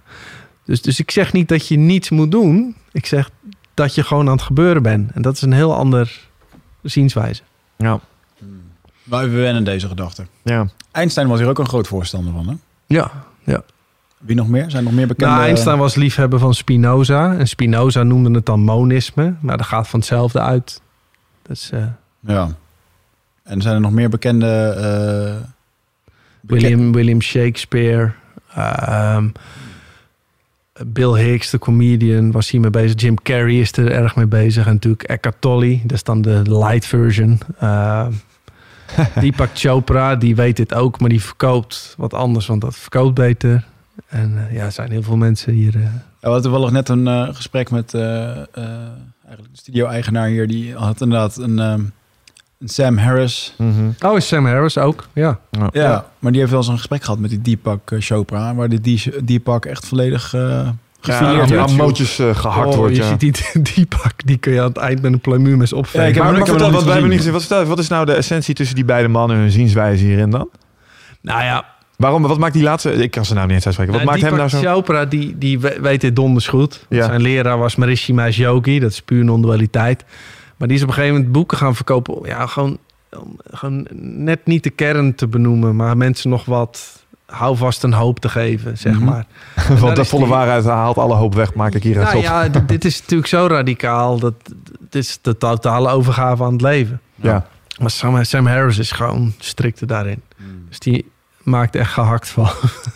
Ja, wat ik wel heel grappig vind aan, aan Sam Harris is dat een van zijn dingen is ook dat hij... ehm, Wie is Sam Harris voor de luisteraars? eh, Sam Harris is maar- een hele slimme, eh, ik geloof, neuro Filosoof en neurowetenschapper. neurowetenschapper die allerlei boekjes heeft geschreven over vrije wil en vooral het niet bestaan daarvan. En ik geloof dat hij ook ehm, eh, juist daarom een stap heeft kunnen maken. En die vond ik heel interessant. Daardoor is- heeft hij juist vanuit een wetenschappelijk perspectief een stap naar spiritualiteit kunnen maken. Ja. Uh, hij doet ook veel in de mindfulness en de meditatie, Ja. volgens mij. Wat ik juist heel erg grappig vind, want eh, spirit- spiritualiteit voor mij is juist eh, het gevoel dat er een, een, een hogere bestemming is. eh, en eh, een stukje zingeving. En als ik dit hele verhaal juist beluister, dan denk ik, ja, het is allemaal het is gewoon een cassettebandje dat aan het afspelen is. En het gaat nergens naartoe. En wat er gebeurt als het cassevebandje afgelopen is en, en niemand weet het. Ja. Snap je? En dus dat vind ik wel geinig aan Sam. Har- heb jij enig idee hoe hij dat, hoe hij dat gedachtesprongetje weet te maken voor zichzelf? Ehm, nou ja, Of hoe jij hem misschien gemaakt hebt? Ehm, ik zit denk ik wel erg op, op de lijn met hoe hij het ook zegt. Als je op een gegeven moment ziet hoe dat brein functioneert... dan zie je dat die gedachten, die creëer je niet, die komen gewoon op. En hij verwijst heel erg naar je bent niet je gedachten. Dat is, dat is allemaal is een bak ruis die er iedere keer uitkomen. Er zitten wel nuttige gedachten bij... maar 95% ongeveer ja, is maar een soort ruis. Ja. Alleen wij leven vaak dat we al die ruis geloven. Die gaan we ook eens aan elkaar nog vertellen. En, nou, en dan, ja, dan snap ik wel Ja. dat mensen allemaal burn-outs krijgen en omvallen. Ja, want dat, snap ik dan niet. Hè? Dat stemmetje in je hoofd. eh, Ja. Dat ding dat eh, ah, van alles overal van vindt. Eh, voor een boel mensen de bron van een heleboel stagnatie en voortgang in de vorm van uitstelgedrag. Ja. Ik weet niet wat het is wat er soms in mijn hoofd zit. Dat zegt van nee, je hoeft niet naar de sportschool. Je bent twee dagen geleden ook al geweest. En je hebt schoon gegeten. Dus het is niet nodig. Ga morgen maar. Weet je wel? Ja. Wat is dat ding? Waarom is dat daar? En hoe past dat in dat hele non-dualiteitsplaatje? Nou, non-dualiteit zegt alles gebeurt gewoon. Dus als Ja. er gebeurt dat je naar de sportschool gaat... dan gaan de stemmetjes in je hoofd. Ik noem dat de Muppets in je hoofd. Ja. Die Stettler en Waldorf. Ja, ja, ja. Ja. mannetjes. Die It was great. It was awesome. Ja. It wasn't that En die good. zeggen, ja, you're going to the sports school. You're great. You're the greatest. You've got the power. En de dag daarna besluit het brein om niet te gaan. Dan zeggen ze, ah, loser. Zit hij weer op de bank. Zo wordt het toch nooit. Was Hmm. Ja, je ja, wordt ja, al ouder en dikker. Weet je wel? Dus, ja, en mensen geloven die stem in hun hoofd. Waarom zijn ze er? Wat, wat is het nut ervan? Eh, ja, we- nou ja, het nut... Kijk, Evolutionair gezien, hè? Evolutionair gezien is het... eh, Alles heeft zijn yin en zijn yang in het leven. Evolutionair gezien is het fijn dat we konden nadenken. Want die neocortex zorgt natuurlijk wel dat we plannen kunnen maken... en dingen wat beter in perspectief zien. Het nadeel is dat dat gepaard gaat met een bonk ruis. En misschien is dit hele ontwaken en dit wakker worden... ook een evolutionair principe. Dat zegt, wacht even, we kunnen ook nog eens van die ruis af... Wat alleen maar weer de overlevingskansen van het systeempje vergroot... omdat hij meer relaxed en creatiever door het leven gaat. Ja. Ja. Ja, minder energie verspilt eigenlijk aan frustratie en zo. Precies. Ja. Ah, ik heb wel een, ehm, eh, de afgelopen weken goede stappen gemaakt met, eh, of tenminste, ik doe ook wel langer met mediteren. Maar ik heb het idee dat ik me- met, door middel van mediteren eh, eigenlijk een beetje een nieuwe staat van zijn heb kunnen bereiken. Hè? Dat ik gewoon, eh, ik lag ook vaak te piekeren en te doen. Ja. Ik merk als ik dit nu gewoon eh, regelmatig doe, dat ik veel meer eh, echt in het moment kan leven. Dat ik gewoon echt even kan focussen op één dingetje. Dat er geen rare gedachten over wat als of hoe of wat voorbij komen. En dat het echt heel veel rust geeft. Ehm, Ja, want je ziet ook, dit kom je in een bepaalde situatie waarin iets misloopt. mhm, Dan lig je eerst twee nachten veel mensen te piekeren. ja, En daarna loopt het toch anders. Ja, Het loopt altijd anders. ja. Dus ja. Ja, en dat besef ook. Dat je gewoon, eh, maar dat je daar op, ehm, ook objectief naar kan kijken. Zo van, ja, oké, dit gebeurt dan nu een soort van. En dat je dat kan relativeren voor jezelf. Dat kan in één keer wel heel veel rust geven. En dat, je moet die rust wel in je brein creëren. Onder andere door eh, eh, bijvoorbeeld te mediteren. Alleen dan lees ik hier de achterkant van jouw boekje. En dan staat er bijvoorbeeld, je hoeft niet te mediteren, et cetera. Ben je daar geen voorstander van? Nee, ik ben geen voor- of tegenstander. Als meditatie gebeurt, gebeurt meditatie. Ja. En voor sommige mensen kan dat echt een rust brengen. Mhm. Alleen als, als het inzicht geïntegreerd is, dat, dat dit is wat het is, dat nooit anders kan zijn en dat het universum het spel speelt, ja, dan is die rust er gewoon van nature. Dan Ja. hoef je niet iets te doen om die rust op te zoeken. Jij lijkt het al wel redelijk geïntegreerd te hebben, dit gedachtegoed. Ja, maar op het moment dat ik dat nu ga zeggen, schotelt het leven me straks iets anders voor en is mijn auto in de park gereden. Ja, ja, ja, ja. Ik kan alleen maar vergelijken met vroeger. Ja, toen, toen was, maakte ik me overal druk om. Nou, ik maak me met name, ik ben, waar ik heel benieuwd naar ben, is ehm, op het moment dat je het begon te integreren, heb je toen eh, veel weerstand ervaren in jezelf. En wat waren manieren om dat. te- Kijk, als je dit, ik merk het aan mezelf. hè. Ik probeer dit dan een beetje, eh, zeg maar, voor mezelf te begrijpen wat het betekent. En ik merk direct dat er allerlei rechtvaardigingen aanschieten in mijn hoofd, links en rechts, pap, pap, pap. En dat is dan volgens mij het ego dat terug begint te duwen. Ik kan me voorstellen Ja, ja, dat, je iets soortgelijks hebt dat ego meegemaakt. gaat even spartelen. Want die Ja. denkt, ja, maar, maar wacht eens even. Dus je hele conditionering gaat op zijn kop. Maar hoe dan? Weet je wel, dat gevoel. Ja, en, en ik heb toevallig mijn nieuwe boek komt eind deze maand uit. Daar heb ik 17 mensen geïnterviewd die allemaal die ik in de afgelopen 10 jaar eh, wakker heb zien worden.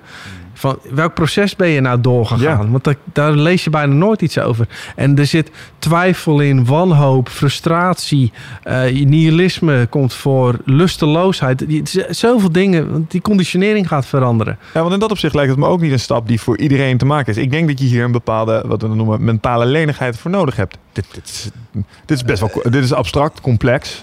Ja, je ziet er wel. De mensen die naar bijeenkomsten zijn, dat is wel bovengemiddeld intelligent, denk ik. En, en mensen, Mensen, die jongens en meisjes. zijn ook mensen die uitgestreden zijn. Dus die hebben. Dat ego heeft zich vaak uitgeleefd in de wereld. Die heeft het gezocht in drugs, seks, eh, de, de vrouwen, carrière, geld. Heeft het daar niet in gevonden. Gaat dan de spirituele kant op. En die, die, die gaat de hele mikmak. En die vindt het weer niet. En op een gegeven moment dan, dan is er een soort ego-moeheid lijkt wel. Van, pff. En dan Oh, ja. komt... Wacht even. Ik ben er helemaal niet. Aha. En dan is de overgave. Dus, dus, dus ja, je ziet... In India was vroeger gebruikelijk dat iemand... Ga eerst maar leven. Ga maar kinderen maken, carrière. Doe alles wat God verboden heeft. En als je een jaar of 50 bent, dan pluk je weer een keer uit. En dan zeggen we, nou, zo zat het. En, maar nu zie je dat dat soms bij, bij mensen wat eerder gebeurt. Mm. Ja. ja. Maar als het is- ego zich niet heeft uitgeleefd, dan zie je gewoon nog dat in dat ontwaken gaat hij dat alsnog Ja. doen. En dan zie je ook mensen die dan opeens denken, "Ah, nu ben ik spiritueel leraar. En die nemen zich een Indiaanse naam aan en die gaan zich heel vroom gedragen. Dus dan wil dat ego nog eventjes de compensatie hebben van, eh, ik wil iemand zijn nog even. Denk je dat eh, de wereld een mooiere plek wordt als we met z'n allen iets non-dualistischer worden? Ja, kijk, alle vorm van oorlog en, en de meeste ellende komt voort vanuit de ik-gedachte. Dat Ja. ik iets anders ben dan jij. En als ik denk dat wat ik denk meer waarheid is dan wat jij denkt, ja, dan gaan we al strijden. En natuurlijk, als, als de mensheid ontwaakt, dan gaat de wereld er anders uitzien. Ja. Mm. Maar dat is een gevolg van het wakker worden dan. Wil je trouwens nog een kop thee of koffie of iets zeggen? Ehm, Kopje thee? eh, thee, thee. Ja, Ja? dat is goed. Heb jij het idee dat eh, de wereld meer aan het wakker worden is? Nee, ik ben oké, dank je. Ja, dat weet ik niet. Ik, je ziet wel dat er enorm veel gebeurt op het moment. Ook dankzij de technologische ontwikkelingen. Ook maar rampen en alles verschuift. Alles staat een beetje te schudden op het moment. Ja. En net als in je eigen leven gebeurt wakker worden vaak pas na, bij een crisis. Ja. Want dan moet je anders gaan kijken. Ja. En, en hoe dat met de wereld gaat. Ik zie wel dat, maar dat komt denk ik door het internet, dat non-dualiteit een iets breder begrip aan het worden is. ja. Maar dat is nog maar een kleine groep hoor. Maar dat is denk ik soms niet eens echt beschreven als non-dualiteit. Maar gewoon mensen bewust te maken over ja, dat bepaalde geloofsovertuigingen echt niet kloppen. Of eh, Ja, gemaakt zijn uit een stukje ego. Of eh, inderdaad. Dus ik denk wel dat het internet wel een goede is om eh, ja, dat stukje bewustzijn. Ik weet zeker dat er mensen zijn geweest die naar die Sam Harris hebben geluisterd. En hebben gedacht van, nou, hier had ik er nooit over nagedacht. Of, Ja. eh, eh, nou, Maar ja, zo zijn jij en ik er ook ooit... Heeft iets ons getriggerd om, om anders te gaan kijken. En nog steeds kom ik soms dingen tegen en denk ik... Oh, dat is mooi. ja. Jij doet dit eh, veel met jouw eh, partner in crime, eh, Patrick Kikken. Yes. De bekende radio-dj. Ja. Hoe kennen jullie elkaar? en Wat is, wat is het idee dat jullie dit samen zijn gaan... Oh, ik, ik was in de tijd, een jaar of acht geleden, deed ik het management van Guido Weijers. Oké. En toen was ik bij hem in de studio voor een interview. Mhm. En eh, het grappige was, een week daarna stuurt hij mij een mail van een toffe website. En ik denk ook dat alles één is. En eh zo een keer babbelen. Dus ik zei, maar ik was er vorige week al. Hij zei, wat? Dat was jij. Dus hij had die link helemaal niet gelegd. Oh? En toen zijn we, Ah. denk ik, een jaar of zes geleden begonnen met eh, de podcast opnemen over dit onderwerp. Gewoon over ditjes en datjes. Ja. Hoeveel jaar gewoon- geleden zei je? Ja, zes jaar geleden. Zes jaar geleden Ja. was jij al aan het podcasten. Ja. Liep je ernstig op de muziek vooruit? Nou, dat is Patrick's credits hoor. Die, Oh, echt? eh, ik wist niet eens wat het was, joh. Nee, Dus die, ja, eh, wist dat ook nog niet zo heel Ja. lang. Oké. Hmm, wel leuk. En hoe is dat nu gegroeid? Krijgen jullie... eh, eh, een grote fanbase? Is daar, eh, jullie doen ja, wekelijks we hebben heel veel luisteraars. Ik weet niet precies hoeveel, maar dat groeit heel erg. Ja. Ja, ik snap, ja. En we praten gewoon over alles. Relaties, seks, eh, je werk. En dan maar, we belichten het een beetje vanuit dat andere perspectief. Mhm.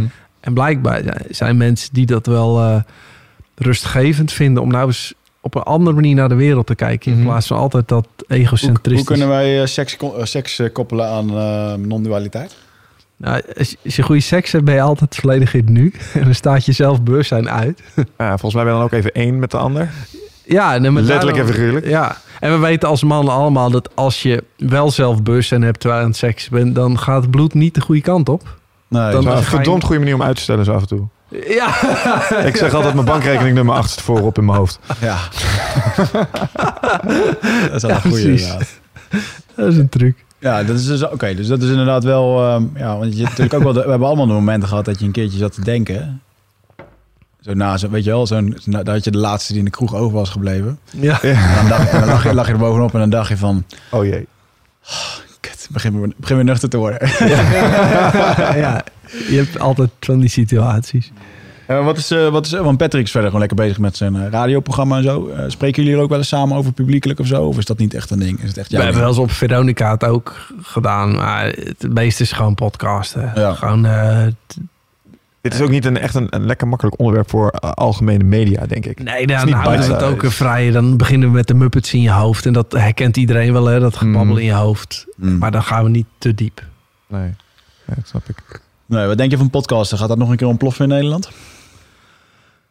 In Amerika is het nu echt een, eh Ja, een boost aan het nemen. Ik, ik, eh, ik had er nooit van gehoord, maar eh, ik vind het ook leuk. Dat, dan luister ik ook graag eh, in de auto naar allerlei dingen. Ik vind het een prachtige manier. Kijk, we zitten allemaal uren in de auto vaak. Het is Ja. een prachtige manier om kennis met elkaar te delen. Ik vind het wel leuk. Ja. Ja, ja. ja ik ben als ook blij mee dat je gewoon eh, veel podcasts die, die, die moeten je raken qua interesses en zo. Maar het is het A heel leerzaam, maar A ook dat je gewoon heel bewust kan kiezen wat je wil leren. Want waar ik echt jeuk van krijg, was dat ik vroeger buren had. Als ik dan thuis kwam, die zaten met een bord, eh, eh, bord eh, eten op de, op de tv. Ja. En dan hoorde ik ze bij wijze van spreken gewoon zeggen... Oh, het is nou echt een rotavond. Er is niks op tv. Er is Ja, niks op ja, tv. En dan ja. laat je dus werkelijk gewoon jouw hele realiteit en je stemming laat je afhangen van zo'n tv. En dan vind ik een podcast gewoon veel, eh, ja, veel productiever. De tv Ja. gaat er toch allemaal uit. Ach ja. Dat is nog een paar jaar. Is te overdenken hoor. Ja? Denk ik misschien iets langer, maar Nee, je Ah, ziet, ja, nou, luister, je ja. ziet de transitie nu wel. De smart TV, zeg maar. Natuurlijk ga je een centrale... Netflix. Ja, nou, je gaat een centrale hub krijgen waar je de media op consumeert. Maar het kanaal waarover het wordt geconsumeerd... zal van kabel migreren naar internet. Waarom? Internet is op on-demand. Inderdaad, Netflix kan kijken wanneer ik wil. Niet een of andere gekke Geen programma maken die bedacht heeft... Ja. dat ik deze film voor de 25ste keer wil zien, Ja. weet je wel. Dus eh, nee, dat lijkt me logisch. Ik denk alleen dat de wijze... eh, ehm, de type... eh, het businessmodel van tv zal waarschijnlijk verschuiven naar... eh, en dat doet Netflix ook al een beetje... eh, je zal extra moeten betalen voor de tijd wanneer je bepaalde media mag consumeren. Dus als er een nieuwe film, dat zie je nu al. Het duurt altijd even voordat hij op de Netflix standaard variant is. Maar je kan hem al wel huren dan per stuk. Dus nou ja, dat gaat gewoon. ja, ook prima. En als ik een mooi tv-programma heb of een podcast, ik wil daar best een paar euro voor betalen. Heb ik helemaal geen probleem mee. Nee, dat klopt.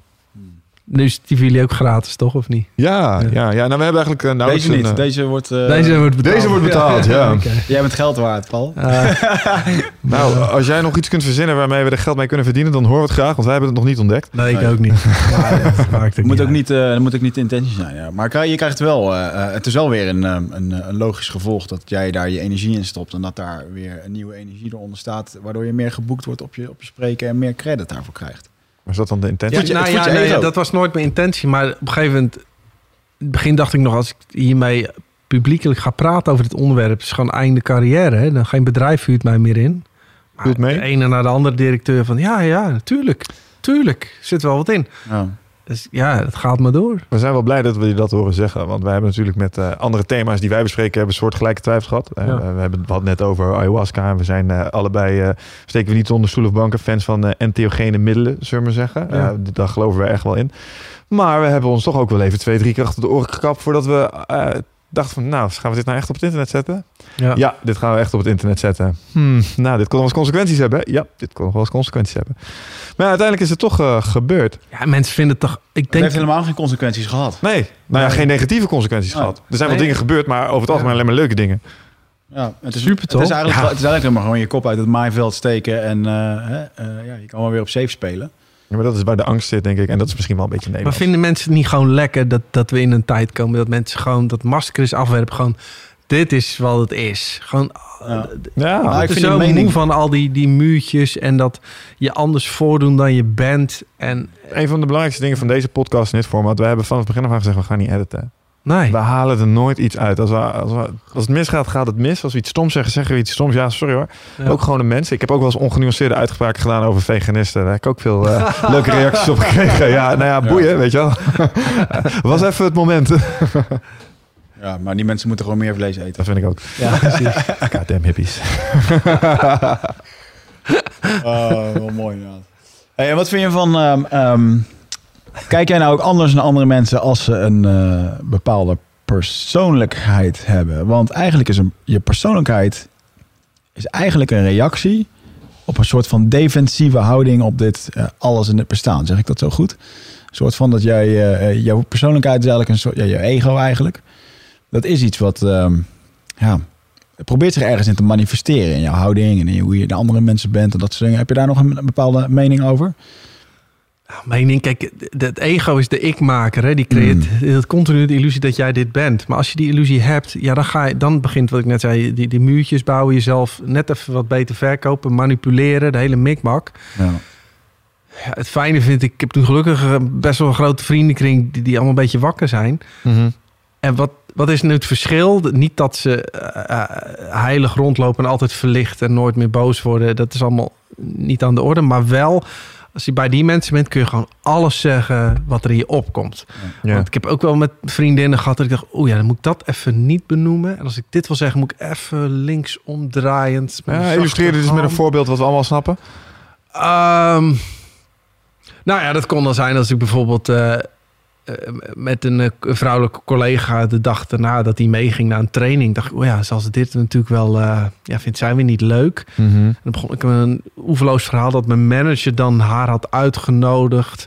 En dat ik zei, nou oké, prima, maar goed, ze rijdt met hem mee. Weet je, je, je- en je bent de hele tijd bezig om, om maar iemand niet uit de veld te laten springen. Ja. Mhm. En wat fijn is, is gewoon als ik nu met vrienden of mijn vriendin, ik zeg, ik zeg gewoon alles. ja. En dat, dat vindt hij misschien niet altijd leuk, maar je, je hebt nooit meer dat het ontploft of dat Nee. die projecties komen. En dat is wel een verademing. Mhm. Maar ook in het bedrijfsleven zou dat wel fijn zijn, want het personeel voelt heus wel dat die directeur niet echt is en, en Nee. poppenkast speelt. Het is zo grappig. Ehm, ik merk het aan mezelf. Dat als ik eh, op kantoor... eh, ik kon altijd merken aan mijn manier van praten... dat ik weer veel op kantoor had gezeten. En ehm, zeg maar, hoe langer en hoe deftiger de zinnen... kon ik ook merken zeg maar, op welk niveau ik in de Oh, organisatie ja, had ja. gezeten. Zeg maar. En dat er dus een bepaalde manier van praten is... die je hebt, die hoort bij een bepaalde rol. Dus als ik in mijn managerrol zat... dan ging ik in één keer allerlei eh, eh, lastige woorden... en zinnen er doorheen gooien en eufemismes erin. En dat was vooral maar niet straight. En ook op een bepaalde toon. Hè? Dan eh, pakte je een bepaalde voorpakkende toon en dan ging je het op een bepaalde manier brengen. En dat was helemaal presentatietaal. ja, ja, ja, ja. En als je, als je dat ehm, eigenlijk niet doet, dat is eh, ten eerste veel prettiger. Ehm, want wat mij opvalt is dat dat, ehm, en dat is me ook wel eens verweten door mensen destijds. En achteraf beschouwd hebben ze daar helemaal gelijk in. Ehm, dat doe je met name als je nog een beetje aan het leren bent erin. En je wil je erin profileren. Je wil laten zien dat je het kan en dat je Ja. het spelletje beheerst. ja, ja. En dan ga je op een gegeven moment een soort heuvel over. En dan kom je erachter, ja, maar dit is eigenlijk alleen maar weer statusverhogend gedrag vertonen. Of laten zien dat je bij een ander groepje hoort. Want dat groepje praat op deze manier. Ja. En wat je een beetje zijn mensen die uitgeleefd zijn. Dus mensen die al veel verder waren. Ik ben, Ja, als ja, student ja, ben ik eh, directiechauffeur geweest. was echt lachen. Mocht ik allemaal van de directeur Mm. in dure auto's overal heen rijden. En een van de mannen die er toen achter een auto zat... was de, eh, het hoofd van bestuur van KPMG. Nou, Dan Oké. ben je geen domme man. En die Nee. kwam weer uit de buurt van Holte. En wat me met name bijbleef van die man... is dat gewoon een nuchtere boerenlul bleef. ja. Zoals die praten tegen je. Er zat niks eh, elitairs in of zo. Het was gewoon een normale vent. En als je hem dan te- telefonisch bezig hoorde... Het was gewoon een normale gesprek zoals jij en ik Ja. ook een gewoon gesprek met elkaar. En dat zat helemaal niet van pap, pap, pap. Dat zat er niet zo in. ja. En dat is wat je bedoelt met dat, dat masker afzetten. Ja. We zijn een soort van toneel aan het spelen op die werkvloer Ja. de hele tijd naar elkaar toe. En ik denk dat je gelijk hebt dat hoe onzekerder je nog bent over iets, des te meer je dat masker op gaat zetten. Ja, was voor mij destijds wel in ieder geval. Ja. het geval. Ja. Ja, herkenbaar. Heb jij kinderen of niet? Ik heb een zoon van eh, 11. Ook non-dualist. Nee, die altijd, nee, die is nu aan het vormen, hè? In dat opzicht. Non-dualie scheid, zegt hij altijd. Denk je? Echt? Ja, wat in wel Ja, wordt. pap, alles is één.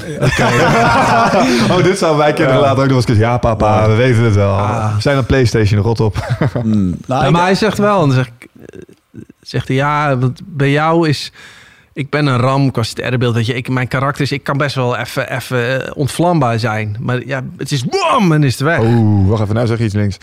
Is allemaal sterrenbeeld. Ja? Ben je astrologisch? Gelo- Geloof je in astrologie? Nou ja, nee, want er zijn zoveel variabelen daar weer op. Laat ik zo zeggen, ze zeggen altijd een ram zie je een is... zwakke plek? Wat zeg je? Zie je een zwakke plek? Eh, nou, dat, dat zou ik heel interessant hebben gevonden. Waarom je dan eh, zou denken dat dat eh, inderdaad iets met je zou doen als eh, persoonlijkheid. Wel, Nou ja, laat ik het zo zeggen. Mensen zeggen, de- een ram is, is- die kan in één keer zo bam doen. En Ja, ja, dat ja. herken ik gewoon in Ja, mij. je Ik gewoon- weet niet ja, of dat toevallig... dat, dat is een kenmerk wat ik hier aanschouw. En dan, maar dat blijft nooit lang hangen, zeg maar. Ik had net nu... Bracht ik hem bij zijn moeder terug. En heb die, kom één minuut binnen, heb hij alweer ruzie met haar. En denk, ik heb net twee dagen gehad. Helemaal top. En dan... En dan ik, ja, ik ga mijn ex niet afvallen, hoewel doe ik nu wel. Maar, eh, en die probeert weer in een soort gezagsverhouding met hem dat te doen. Dat ik denk, ah, dit werkt allemaal averechts. Het is allemaal weer toneels. Stop hiermee, weet je wel. En dan krijg ik natuurlijk weer de schuld. Want jij zet die rebelse Ja, ideeën jij- in zijn jij- hoofd. Jij hebt hem in de verkeerde mindset gebracht. Nou, bla bla bla. Maar goed, Hij loopt bij blauwe kraaltjes rond en een wit Ja, kleed. ja, ja, maar alles is één. Pas. Nee, kijk, mijn ex is ook gewoon wie, wie zij is. hè. Dat is allemaal prima. Maar ja, ik geloof gewoon in heel veel dingen, hoe mensen het doen, denk ik, ja, werkt toch allemaal. Maar ik denk dat kinderen ook donders goed in de gaten hebben. Die voelen dat ook wel. Op het moment dat er, ehm, laat ik het zo zeggen, soms zie je mensen met kinderen praten en dan praten ze tegen een kind dat volgens mij prima in staat is om een normaal, eh, een normaal gesprek eh, te aanschouwen. Gaan ze op zo'n bepaalde manier tegen praten. Weet je wel, een beetje naar beneden praten. En dan gaat de eh, eh, stem een octaafje hoger. Ja, en dan wordt er zo tegen je gepraat. En er wordt nog een keer in je wangen geknepen. En ik kan me echt voorstellen, als jij een kind bent dat al best wel bij zijn verstand is, dat je dat prima voelt. En je denkt, nou, doe eens even normaal, weet je wel. Ja, En, en de- daaruit voel je ook wel, van, wat doe je eigenlijk? Je zet je boven dat kind. En ik denk dat dat kind dat prima voelt. En als dat kind een beetje op, eh, nou ja, op zijn ouders lijkt misschien in dit geval. Zou het maar zo kunnen zijn dat het daar nog wel eens tegen gaat aggregeren. Tenminste, dat zou wel in mij zitten. Dus ja, ik begrijp dat wel. Eh, Behandel je daarmee eigenlijk je... ehm, is er een autoriteitsverhouding tussen jou en je zoon? Ben je soms wel papa? Echt van, hé, en nu is het Ja, gewoon even doen wat ik zeg? Als het echt moet, zeg maar. Want Kijk, ik snap een breintje dat zo oud is, dat kan nog niet goed plannen. Dat is nog allemaal niet in dat brein aangemaakt. Mhm. Dus dan help ik hem bij. Maar het is bijvoorbeeld bij zijn moeder, die krijgt- mag hij één uur computeren per dag. En dan gaat de kookwekker ernaast. En dan, eh, nou, ga maar computeren. En als die afgaat, dan moet je hem dicht doen. Dat is niet heel relaxed computer. Nou ja, nee. Ten eerste verpest je het al. Ten tweede creëer je schaarste. Dus die computer wordt alleen maar interessanter voor hem. Ik wil juist vanuit de marketing commitment en consistency. Ik zeg tegen hem, ik zeg oké, vandaag wat moet je doen? Je moet het huiswerk nog maken. We moeten even boodschappen doen. Ik zeg nou, je kan computeren vandaag. Hoe wil je het indelen? Dan komt hij zelf met iets. En dan zorg ik wel dat, dit, dat het niet de hele dag computeren wordt. Ja, Komt hij met de oplossing. Ja. Nou, dan vervolgens zeg ik, nou, doen we het zo als ik het ermee eens ben. Of soms schaaf ik daar nog iets aan. ja. Maar dan is het na anderhalf uur of twee uur computer zegt... oké, oh, nu gaan we dus boodschappen doen. En dan gaat hij uit. Maar dan is het zijn motivatie en drive. En Ja. ik heb geen autoriteitsverhouding met hem gemaakt... dat ik hem kleineer ten opzichte van mij. Ja, ik, ja anderen vinden dat dan weer eh, geen goede methode. Maar voor mij werkt het. Ik vraag me wel eens af waar die originele insteek ooit vandaan is gekomen. Dat we op die manier zijn gaan opvoeden. Ik vraag me wel heel eens af hoe dat, eh, hoe dat dan vroeger op de savannes eh, zou zijn gegaan. Eventueel. Of daar ook op die manier van, hey, ik ben papa, dus je doet gewoon wat ik zeg. Of luister naar je moeder. Het is wel een universeel iets natuurlijk. Ik vond het wel, een- ik heb daar dit Ja. weekend, of eh, wanneer is het? Gisteren heb ik daar een gesprek over iemand gehad die eh, een zoontje van vijf heeft. En die wilde zijn zoontje vooral heel erg meegeven, eh, vijf dingen. Ehm, hoe dat die kan, bij wijze van spreken, die heel erg belangrijk zijn. Hè? Dat je gewoon kan ademen, dat je gezond bent, dat je vuur kan maken en dat je kan eten. En eh, dat zijn gewoon de basisdingen. Ja. En toen vond hij dat, hij zei ook van, joh, ik ben nog benieuwd hoe ik dat, eh, hoe ik dat moet doen. Van, ja, moet ik hem dan echt leren hoe dat hij een vuur moet maken? Zei, ja, maar dan maak je er dus een, een opdrachtje van. Van, je moet nu leren hoe je vuur moet maken. En dan is het helemaal niet interessant. Maar als jij gaat zeggen, kom gozer, we gaan een weekend kamperen. En eh, we gaan samen vuur maken en je maakt het enthousiast. Dan, dan pikt hij dus gewoon vanzelf op hoe dat dit je een vuur moet maken. Weet Welk je wel? kind wil nog geen fikkie poken? ja, Ja. maar... En hetzelfde met eh, wat je ziet met, eh, met kinderen. Dat als die iets zien, bijvoorbeeld met judo of wat dan ook. Je hoeft het echt niet in detail uit te leggen. waarom je dit moet en daarom doen. Maar als je het één keer voordoet, dan, dan snappen ze het. En later als die mo- motoriek verder ontwikkeld is... dan kun je er gaan zeggen van ja, oké, maar als jij je been daar neerzet... dan komt die meer uit balans, bla, bla, bla. Dan krijgen ze dat, dat verhaaltje. Maar het plaatje is wat dat betreft veel, eh, veel belangrijker. En gewoon de, voordoen. en de vrije wil. Ja. Dus tenminste, dat ze het, eh, die bestaat dan niet. Ja, maar wel Maar- een intrinsieke passie. Kijk, jullie doen dit ook uit passie. Je- Je offert je zondagmiddag op om dit te doen. Als iemand had gezegd, oké, jullie eh, functie is om op zondagmiddag de, de podcast. Het moet twee uur duren. Ja. Eh, dit zijn de mensen, dan, dan is het al weg, zeg maar. Met dat je het zegt, begin ik al dan hier krijg je achter in ook mijn hoofd. Van, Hoezo? Hoezo moet ik dat? Ja. Ja, ja, ja, ja, maar ik denk, Nou, het is wel een grappig ding dat bijvoorbeeld, want we waren in het begin heel erg moeilijk en zoekend en wat, eh, hoe ga je zo'n podcast neerzetten? We hebben best wel wat informatie bij mensen gevraagd van waar luisteren jullie naar, waar kijken jullie naar? En dan zie je toch dat iedereen eigenlijk zegt van ja, je moet het eigenlijk zo doen. En eh, dat waren best wel veel, er zijn best wel veel impulsen. Hè? Die heb je dan van tien mensen, krijg je allemaal van dit soort dingen. En uiteindelijk hadden we echt zoiets van, ja, maar wij willen het eigenlijk gewoon zo doen. Ja, we gaan het gewoon lekker doen we willen. Laat maar. Ja. Ja, maar toch vraag je dan in het begin die goedkeuring, omdat het nieuw is en het angstig is. En je hoopt dat iemand een opstapje kan geven of zo. En dan, eh, ja, je moet er uiteindelijk toch een beetje... Want hoe lang doen jullie het nu? We zijn eh, begin dit eh, jaar zijn we begonnen. Dit Oh. is, eh, we hebben even zitten rekenen. We zijn nu eh, je- eh, aflevering 22 zijn we nu aan het opnemen. Top, dat is deze. Ze zijn telkens eh, ongeveer tussen de 2 en de 2,5 uur. We hebben er ook wel eens een uitschieter van een uurtje of drie tussen gehad. Dus eh, soms, soms zijn ze ook anderhalf uur. Maar het is heel erg leuk om te doen. En, Ja. eh, maar ja, er komt stiekem veel meer bij kijken als je denkt in eerste instantie. Ja. dat, dat, is, dat is even, maar dat zul jij aan de lijve ondervonden hebben. nou, die podcast dat doet Patrick allemaal. Maar ja, dat is Ja. natuurlijk wel zo'n social media idioot. Die graaft zich daar helemaal in. Ja. En die, eh, Ja. ja. dat doet hij goed. Ah, is ook wel leuk. Nou, hij was een van de voorlopers eh, als het ging om eh, zeg maar fun content op het internet. Zijn eh Ja. wedstrijd, dat was Ja, eh, ja. website. Dat was een beetje wat eh, waar we nu de geen stijls en dat soort dingen hebben. Dan kon je de Ja. grappige filmpjes, gifjes toen nog. Ja, ja. eh, ja. kon, je, kon je daar allemaal vinden. Dat, eh, ja, daar ging iedereen regelmatig heen. Ja. De audio bites die hij deed met, eh, vanuit zijn shows, weet je wel, daar heeft iedereen helemaal een uh, deuk liggen. Dus in dat opzicht liep hij wel redelijk inderdaad. eh, ja. Hmm. ja, innovatieve man. Leuk. Maar dat heeft hij nog gewoon. Toen zegt hij, oh, we moeten ook een app hebben voor non-dualiteit. En we moeten, eh, dus, dus hij is... eh, Ja, hij dat- ik zag dat. Ehm, een app voor non- non-dualiteit. Dat, ehm, als softwarebouwer eh, even redeneert. Wat gaat zo'n ding moeten doen? Wat zijn de... Oh nee, er staan gewoon filmpjes op wat uitleg. Oh, op en de- manier. je kunt de podcast erop downloaden en er staan interviews op. En de agenda. En eh, je kunt ons berichtjes sturen. Ja, omdat Wigert die heeft een app die helpt hem bij zijn mindfulness. En ik zat een beetje in die hoek te denken, iets wat je mantra's inspreekt. Oh zo. nee, oh nee, want het is natuurlijk alleen maar een Alles is één. Het is- En ja, mijn je ego is een ja. illusie. De hele dag door, weet je wel. Mijn app vertelt mij welke jurk ik aan moet. Awesome. Eh, Dan wil ik graag functionaliteit dat ik kan ingeven welke jurk ik aandoe, zodat we nooit dezelfde aan hebben. ja, dat zou inderdaad goed zijn, ja. Ja, ja nou over eh, zeg maar kantoor toneelspelen gesproken. Eh, je komt erachter dat iedereen hetzelfde toneelspelletje aan het spelen is. Dat is mij dus echt een keer gebeurd. Dat ik naast een collega stond. En wat is het standaard business attire casual? Business casual. Ja. Dat is een spijkerbroek, een overhemd in de broek heen, een riem en bijkleurende schoenen. Ja. Ja. dat is het standaard uit. Ik had het aan. Ik sta naast een collega, heeft precies hetzelfde aan tot op de merkbroek. Oh, Zelfde kleur, echt. En dan denk je, ja, we zijn allemaal acteurs in hetzelfde toneelspel. Jezus Christus. Maar er komt, onze spiegelneuronen, die kopiëren heel de dag elkaar. Hè? Dus Ja. jij komt als nieuweling op zo'n afdeling. Jouw spiegelneuronen, ja, die zijn ook wel slim. Denk ik, ik moet bij de groep horen. Ik Mhm. conformeer me. Ja, en dan... Ja, ik had Ja. mezelf wijsgemaakt dat hij mijn staal had Ja, overgenomen. ja. Had waarschijnlijk iets kleinere maat. Hè? Maar Ja, ja, ja, ja. dat is grappig. ja dus dat, dat klopt helemaal. Grappig. Heb jij nog eh, nieuwe eh, dingen die eraan komen voor jouw eh sprekerdingen en zo? Of ben je gewoon lekker nu, nu aan het doen wat je aan het doen bent? En dat, eh, of heb je echt... Ja, je bent een nieuwe film aan het maken. Ja, wat, wat is dat trouwens voor- Ja, de film. Dat wordt een internationale film. Gewoon een speelfilm. Waarin we non-dualiteit verweven. Mhm. En we gaan het niet zozeer uitleggen, maar meer laten zien.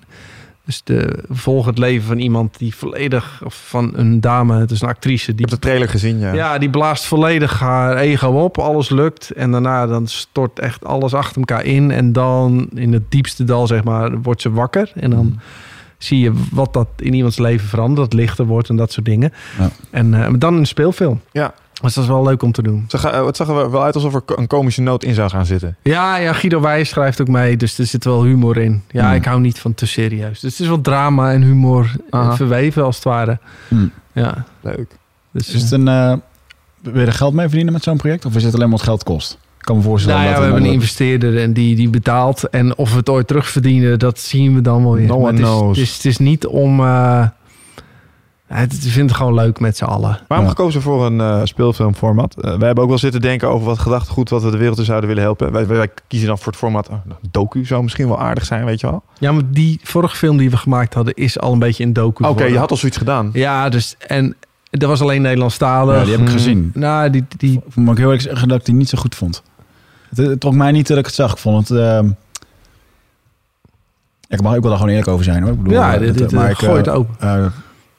Het, het- ik vond het, ja, het, het klink- ik vond het gewoon te gemaakt.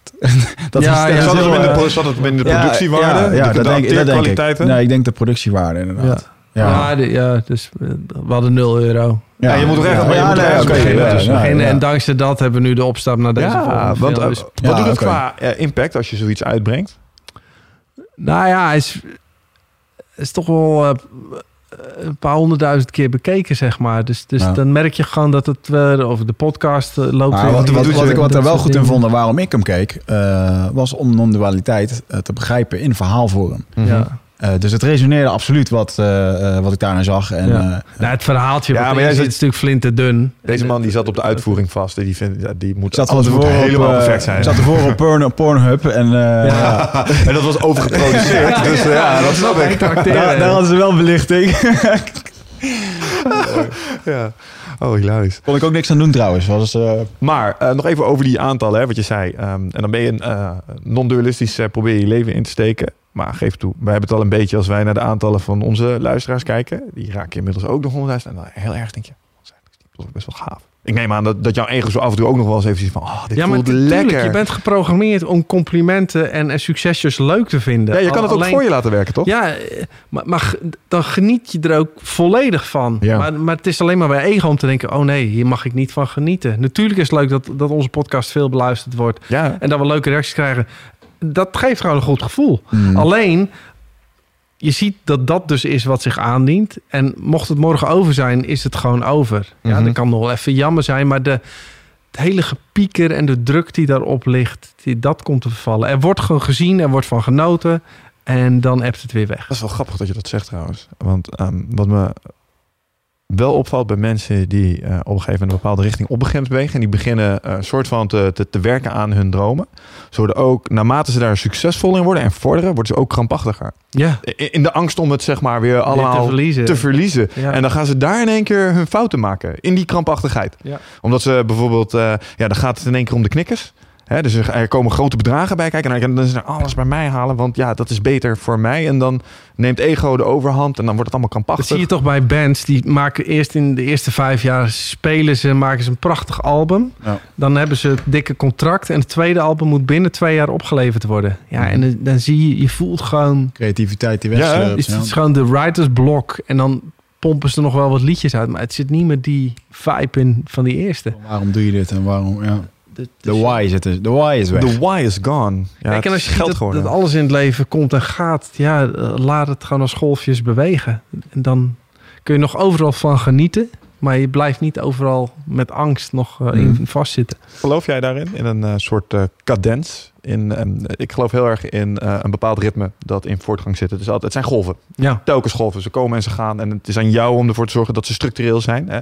Want vaak zie je mensen een sprintje trekken, dan doen ze even wat en dan zitten ze te lang stil. Ik bedoel, als je dat Mhm. cyclisch pakt. Maar eh, ik denk dat de meeste mensen een, een aantal, eh, een bepaald cirkeltje, eigenlijk een soort van constant overnieuw aan het draaien zijn. Daar Ja, ben je een soort van aan overgeleverd, zeg maar. ja.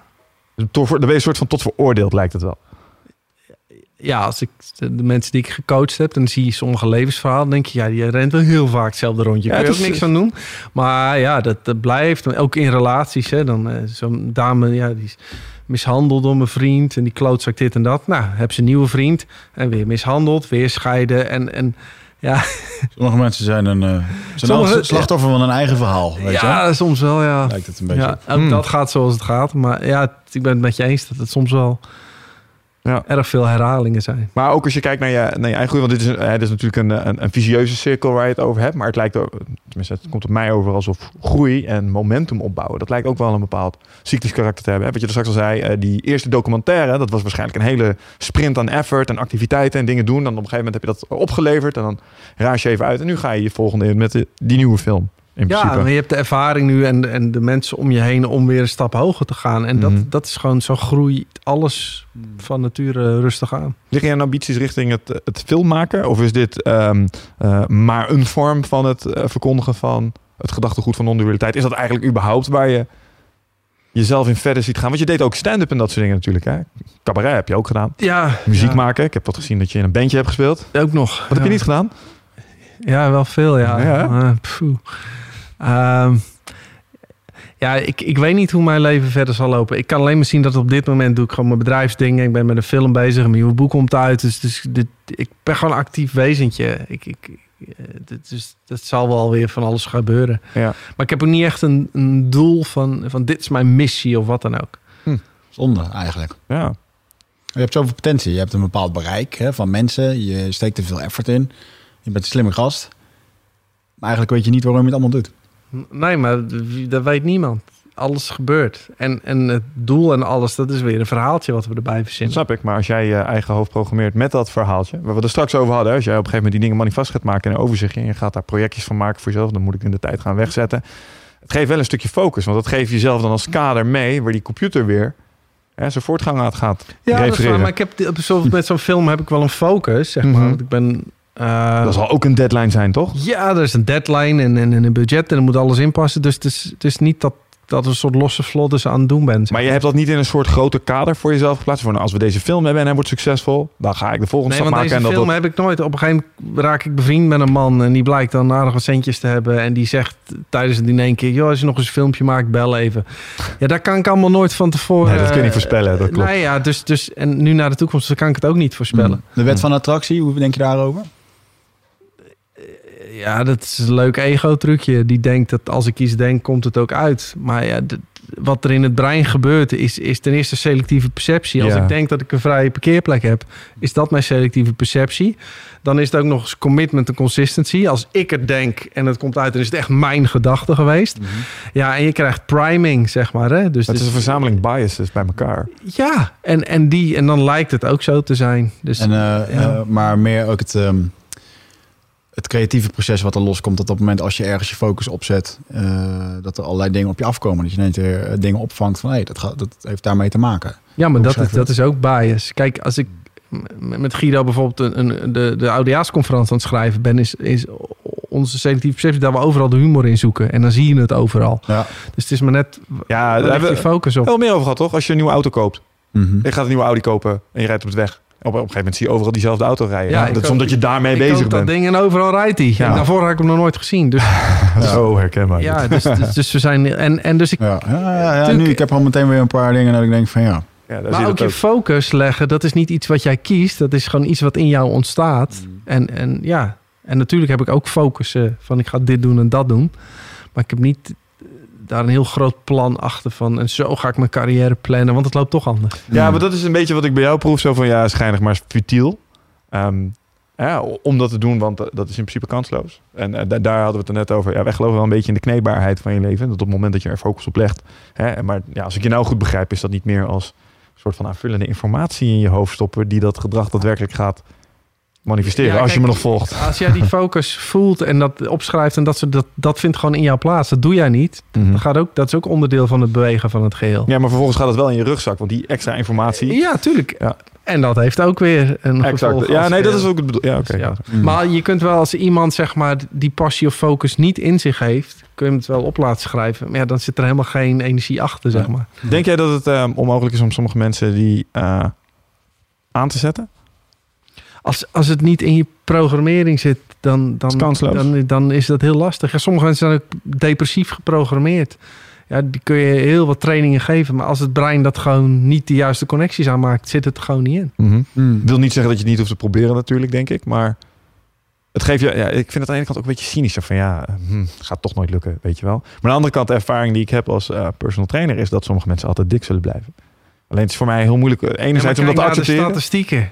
Dat, Ja, nee, is gewoon het, het, ja, ook afval en al die diëten. Het, ja, de statistieken ja, Mhm. zijn niet hoopgevend. Nee, maar wat ik ermee bedoel is... eh, Ik heb als mensen onder mijn hoede gekregen. Ja. Eh, en dan eh, zeg maar heb je van de dan heb je twee personen en de een die gaat aan en die krijg je gemotiveerd en Ja, die zien ja. de benefits en die ja ik ga dit doen en de ander die sleur je met alles wat je in je hebt moet je hem elke keer de gym insleuren. Je ziet nog net niet van die vingersporen in de mat zeg maar van kom we gaan weer. ja, ja. Weet je en eh, ik heb echt heel erg geworsteld vooral als ik het niet voor elkaar kreeg om mensen aan te krijgen. Dat vind ik echt een van de moeilijkste dingen. ja. Maar uiteindelijk is daar een soort van berusting van ja sommige mensen krijg je gewoon Nee. niet aan. Weet je die zullen altijd dik blijven. Dat is wat ik daarmee bedoel. ja. Ja, maar dat vind ik wel net, moeilijk. eh, het is maar net hoe het breintje geprogrammeerd is. Ja, terwijl wij geneigd zijn en opgevoed te denken dat iedereen gelijk is en dat iedereen gelijkwaardige kansen heeft in deze wereld. Is natuurlijk gewoon absolute bullshit. Absoluut niet waar, nee. Nee, je hebt altijd winnaars en verliezers. Dus. Iedereen is wel één met het geheel, maar de verschijningen erin zijn allemaal anders. En de een is gewoon heel knap, intelligent en succesvol. En de ander is gewoon dik en heeft het allemaal niet zo mee. Ja. Ja. maar als je geen lelijke mensen hebt, heb je ook geen mooie mensen en andersom. Dus Geen eh, wit zonder zwart. eh. toch? Wat, ehm welke boeken had jij mensen aan? In het algemeen zijn er boeken gewoon ook, eh, ja, nou, noem maar. Gewoon welk boek is jou bijgebleven waar je dacht van dat moeten mensen lezen? Ja, maar dat, dat is ook weer zoiets. We hebben het net over, bij de een werkt dat, bij de ander dat. Ik kan niet één boek zeggen van die moet je lezen en dan gebeurt dat. Welke ik werkt zeg, het beste bij ja, jou? kijk maar wat er op je pad verschijnt. Mhm. Want zeggen we, welk boek las jij toen je ontwaakte? Ik had in de Volkskrant gezegd dat het boekje Wie zoekt zal niet vinden. Dat was mijn wake-up call. Ik was gelijk, ik knapte en in bad heb ik huilend dat boek gelezen. Alles brak open. Mhm. En die werd gelijk 382 keer verkocht die dag daarna. Maar, maar die mensen denken allemaal, oh, dat zal het bij mij ook. Nee, dat, dat, dat weet je niet. Cliff, de volgende keer als je een interview geeft, even deze podcast Ja, neem ja, drop ja. alsjeblieft. Fijn. Ja, ik, vind het wel, ik vind het wel goed dat als, als je naar ehm, eh, rolmodellen luistert, ik weet zeker dat er mensen naar jou luisteren eh, die tegen jou opkijken, om wat voor reden dan ook. Dat je dan, eh, eh, ja, ja, die lezen dan dit en die gaan dan dat boek lezen, want je hebt hetzelfde gedachtegoed.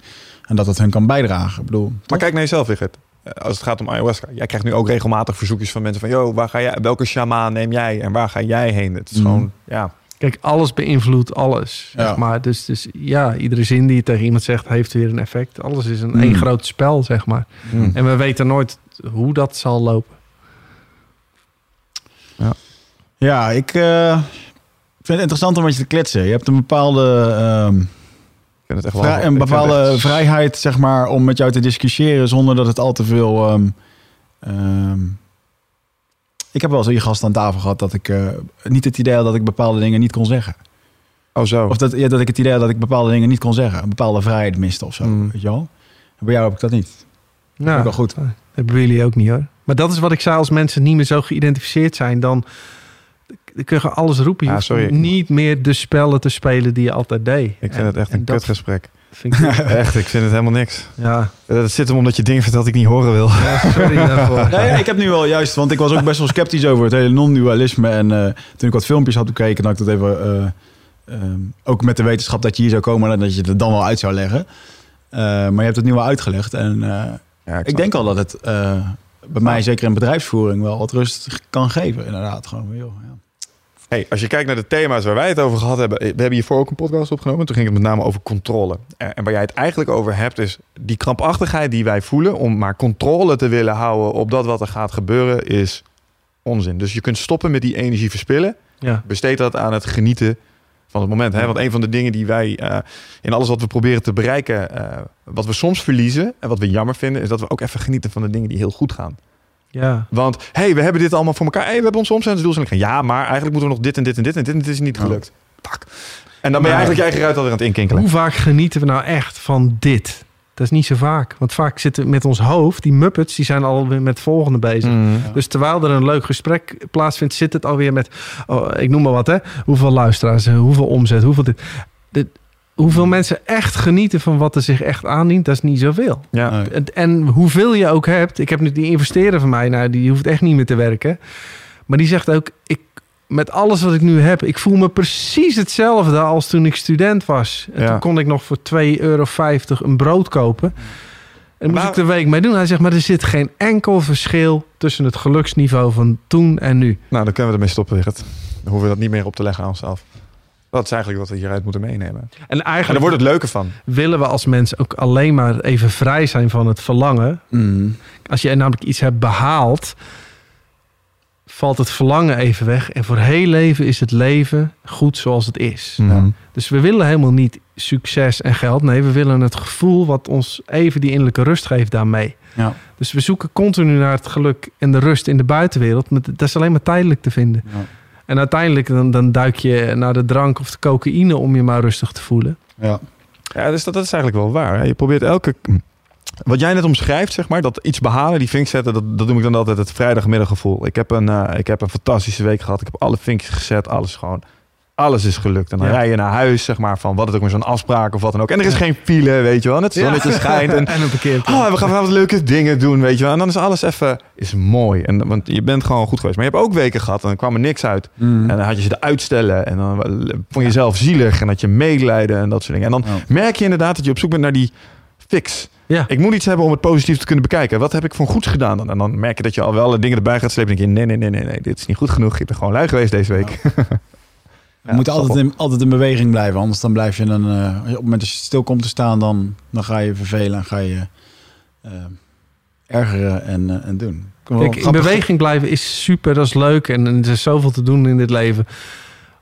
Maar geniet gewoon van het moment zelf, zeg maar. En, maar dat hoofd van ons kan nooit genieten van dit. Die is altijd, ja, dit ja, maar dit is net niet. Het had net wat beter moeten zijn. Mm. Of, als het nu net zus of zo was geweest. En wat vind je dan van het volgende? Als mensen toch een beetje in de klaagmode schieten. ehm, wat ik nog wel eens aan mezelf merk dan. En ehm, er is met de verstaan gegeven dat dat ook niet helemaal zuiver is. Maar het is wel wat ik voor mezelf gebruik. Stel, ik, ik heb eens een keer met mezelf te doen. Zelf medelijden. Wie zwelgt er niet in? Nou, iedereen. Ehm, en op het moment dat ik me extra, mezelf extra zielig vind... dan helpt het voor mij nog wel eens om me even te realiseren dat... Hé, hey, dude, je woont in fucking Nederland. Weet je, de welvaart hier is enorm. Ja. Je hebt een mooi appartement, het regent je huis niet in. Je hebt stromend water, de koelkast staat vol. Je hebt een internetverbinding. Shit is pretty great, zeg maar. Dus hou zo met piepen en ga gewoon je ding doen.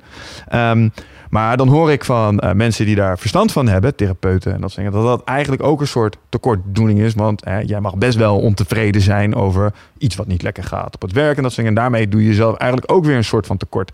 Ik weet niet of ik het daarmee eens ben, want ik geloof nog steeds, maar je hebt vanavond toch wat tevreden of niet dan? Weet je wel? Hoe kijk jij daar tegenaan? Nou, wat je dan ziet is dat de, de, de ene Muppet die zegt... oh, wat ben ik zielig en wat ben ik depressief. En dan gaat de andere Muppet gaat proberen die Muppet te overtuigen... dat het allemaal wel meevalt. Ja, Dus je probeert mentaal de mentale ruis op te, te, te lossen. En dat kan heel even werken. Maar onder die tijd verwijst ernaar dat deze allereerste Muppet... zowel ben ik zielig, daar valt het verzet al weg. Dus je hoeft ook niet het serieus te nemen. Je hoeft er niks meer aan te sleutelen. Als je gewoon even niet goed voelt, voel je gewoon niet goed. Alleen er komt geen ruis meer in dat hoofd. Dus dat, die gedachte komt op een gegeven moment al niet meer op. ja, ja, ja. ja. Dus, En dan is er gewoon even... Ja, ik heb ook wel eens, dan heb je verkeerd gegeten of weinig geslapen. En dan voel je gewoon de avond... Dan, Ja. ja, dan heb je het even niet. Nou, dan is er avond dat het er even niet is. En de volgende dag is het er weer. ja, precies. Ik bedoel, het grappige is, als wij blij zijn als mens... uiten we dat zonder enig verzet. Hè? Dan gaan we lachen en springen en dansen. En dan heb je nooit dat je denkt... ja jongens, ik ben al twee uur lang vrolijk. Eh, hoe lang duurt dit, weet je wel? Ja. Maar als je je een keer rot voelt... dan gaat de hele circus gaat hier weer van... eh Ja. Oh, jongens, ja. om en het, Why me? ja, dat hoeft allemaal niet. Nee. Ja, nice. Nou ja, het kost net zoveel calorieën om positief te denken als negatief te denken. Lachen schijnt minder spieren aan te spannen als fronsen. Zoiets was het. Nou ja, Ja? Ja, ja dat zeggen ze. Ik weet niet of het waar is. Ik denk wel dat je een hele hoop eh, luisteraars eh, hun eh, wenkbrauwen laat fronsen met deze. Ja sorry daarvoor. Ja, het is oké. Nou ja, goed, deze moet het beste eruit pakken. En eh, voor de rest moet het zeker le- lekker zelf uitzoeken. Je hoeft er niet naar te luisteren. Nee, hij mag ook Eh, uit. Je kan gewoon, er zit zo'n mooi rood kruisje rechtsbovenin. Ja. Eh, Links als je zo'n Mac gebruikt, gewoon klikken. En kan in één keer vanaf. filmpjes kijken. Dan eh, kijken ze eerst een YouTube filmpje van 18 minuten. Zeggen ze van, oh, klote film. Dan Ja. denk ik, ja, klik hem nou weg, man. Dit had eerder gestopt kunnen worden. ja. ja, dat vind ik altijd wel een grappige. Dat ik, ehm, als je bijvoorbeeld op een nu.nl zit te kijken over discussies die daar staan onder artikelen. Nu jij, bedoel je? Bedoel je? Nee, ja, is dat zo? Ja, volgens mij is dat nu. Je hebt nu.nl, dan heb je Ja. de, de comment section. Dat is een aparte website, volgens mij, nu jij. Ja. Maar die comment sections, de, de, de Ja, opmerkingen. nou, je, ja, hebt, ja, je ja. hebt natuurlijk geen stijl en de filmpjes en dan de reacties. Dan denk ik van ja, oké, maar daar zitten gewoon mensen. Dit is gewoon entertainment. Hmm. Maar ook op een nu.nl mee gaan zitten zeveren over nieuwsberichten en dingen. En dan zitten wachten totdat iemand erop reageert. Jezus, hebben jullie echt niks te doen? Denk ik dan? Mag ik je nog even herinneren aan onze mixfight periode? Daar deden we niets anders dan Ja, dat. oké. Wij zijn ook voor verslaafd ja, geweest. Klopt, klopt. Ja, Maar het is ja. ook echt dat mensen met ieder be- bericht een hele onverwerkte jeugd erbij slepen. En dat projecteren op een nieuwsbericht. Ja. En- Nou, dat is ook, ook een keer gezien inderdaad dat mensen dan eh, naar kranten schrijven als reactie op artikel. Echt een sport om dan die reactie in de krant te krijgen. Ah, ja. En dat er dan op die reactie, dan gaan we andere mensen ook brieven opschrijven om een discussie aan te gaan met die mensen. Weet je? Die heb je gewoon. Ja. Ja, dat is één grote Muppet Show. ja. Dat is, dat Dat is, is ook allemaal ego. Ja, het Ik- internet ik heb is, eh, gelijk. het- het- dat soort discussies zijn, is eh, proberen om eh, je status te verhogen bij mensen die je eigenlijk helemaal niet kent. Ja. En dat is eigenlijk gewoon een automatisme. Jij zegt dit, ik ga proberen dat te overtroeven en de rest zal denken dat ik slimmer ben als jij. Ja. Maar de- het is kansloos, hè? want wat doet ons brein? Als jij zeg maar in A gelooft en ik geloof in B, wat er gebeurt op het moment dat ik jou, hoe hard, harder ik jou B probeer te overtuigen, ook al heb ik concreet bewijs, jouw brein gaat harder in A geloven. Dat is gewoon het verdedigingsmechanisme wat erin zit. Dus het werkt averechts. Hoe harder ik ga vechten met jou. ja.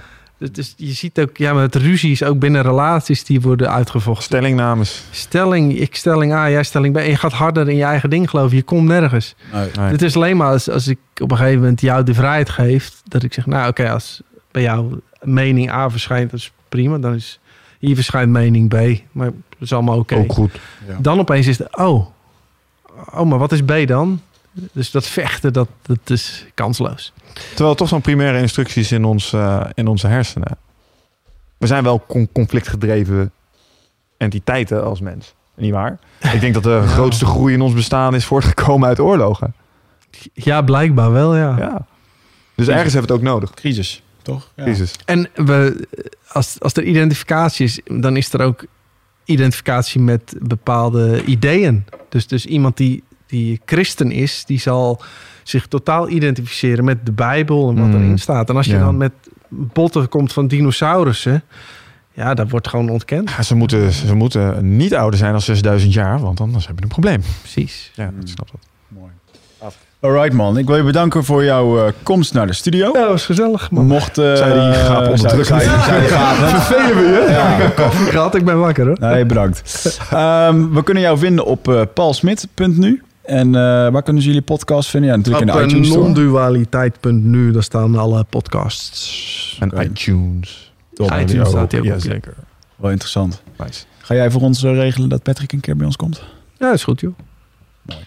Brutale mensen hebben de halve wereld, zo zie je me weer. Ja, klopt. Maar daar ben ik een keertje heel erg eh, mee op mijn vingers getikt door een eh communicatietrainster. Oh. Die zei, ja dat klopt Wigert, maar de andere helft van de wereld is van die andere mensen. Hier. Was ook wat voor te zeggen. Klopt. Dat ontkracht ik ook niet. Dus, Desondanks. maar, de- helpt. maar desondanks hebben we nu wel weer Patrick Kik in de studio. Ik Dus- het zeggen. Hou eens op, jongen. Oké man, super bedankt voor de luisteraars. Eh Nutrofit, eh, Nutrofit, nee, Eindbazen wordt gesponsord door Nutrofit. Eh, voor al jouw eh, supplementen en eh, dingen om je brein te optimaliseren. Zoals Nootropica, Bulletproof Coffee. Eh, dat is de koffie waarvan eh, Paul net zei dat hij die heel erg lekker vond. Dus het is goed. En ehm, natuurlijk voor Easier eh, om wat meer ehm, eh, expressie aan jullie social media te geven. Heb, mocht je een keertje evenementen hebben of wil jij alles over jouw merk laten zien met bepaalde hashtags of bepaalde profielen, dan kan je dat via het platform doen van Easier. Dus kijk daar eens voor op easier.com. En Paul bedankt en tot de volgende keer. Yes. Tot de volgende keer. Ciao.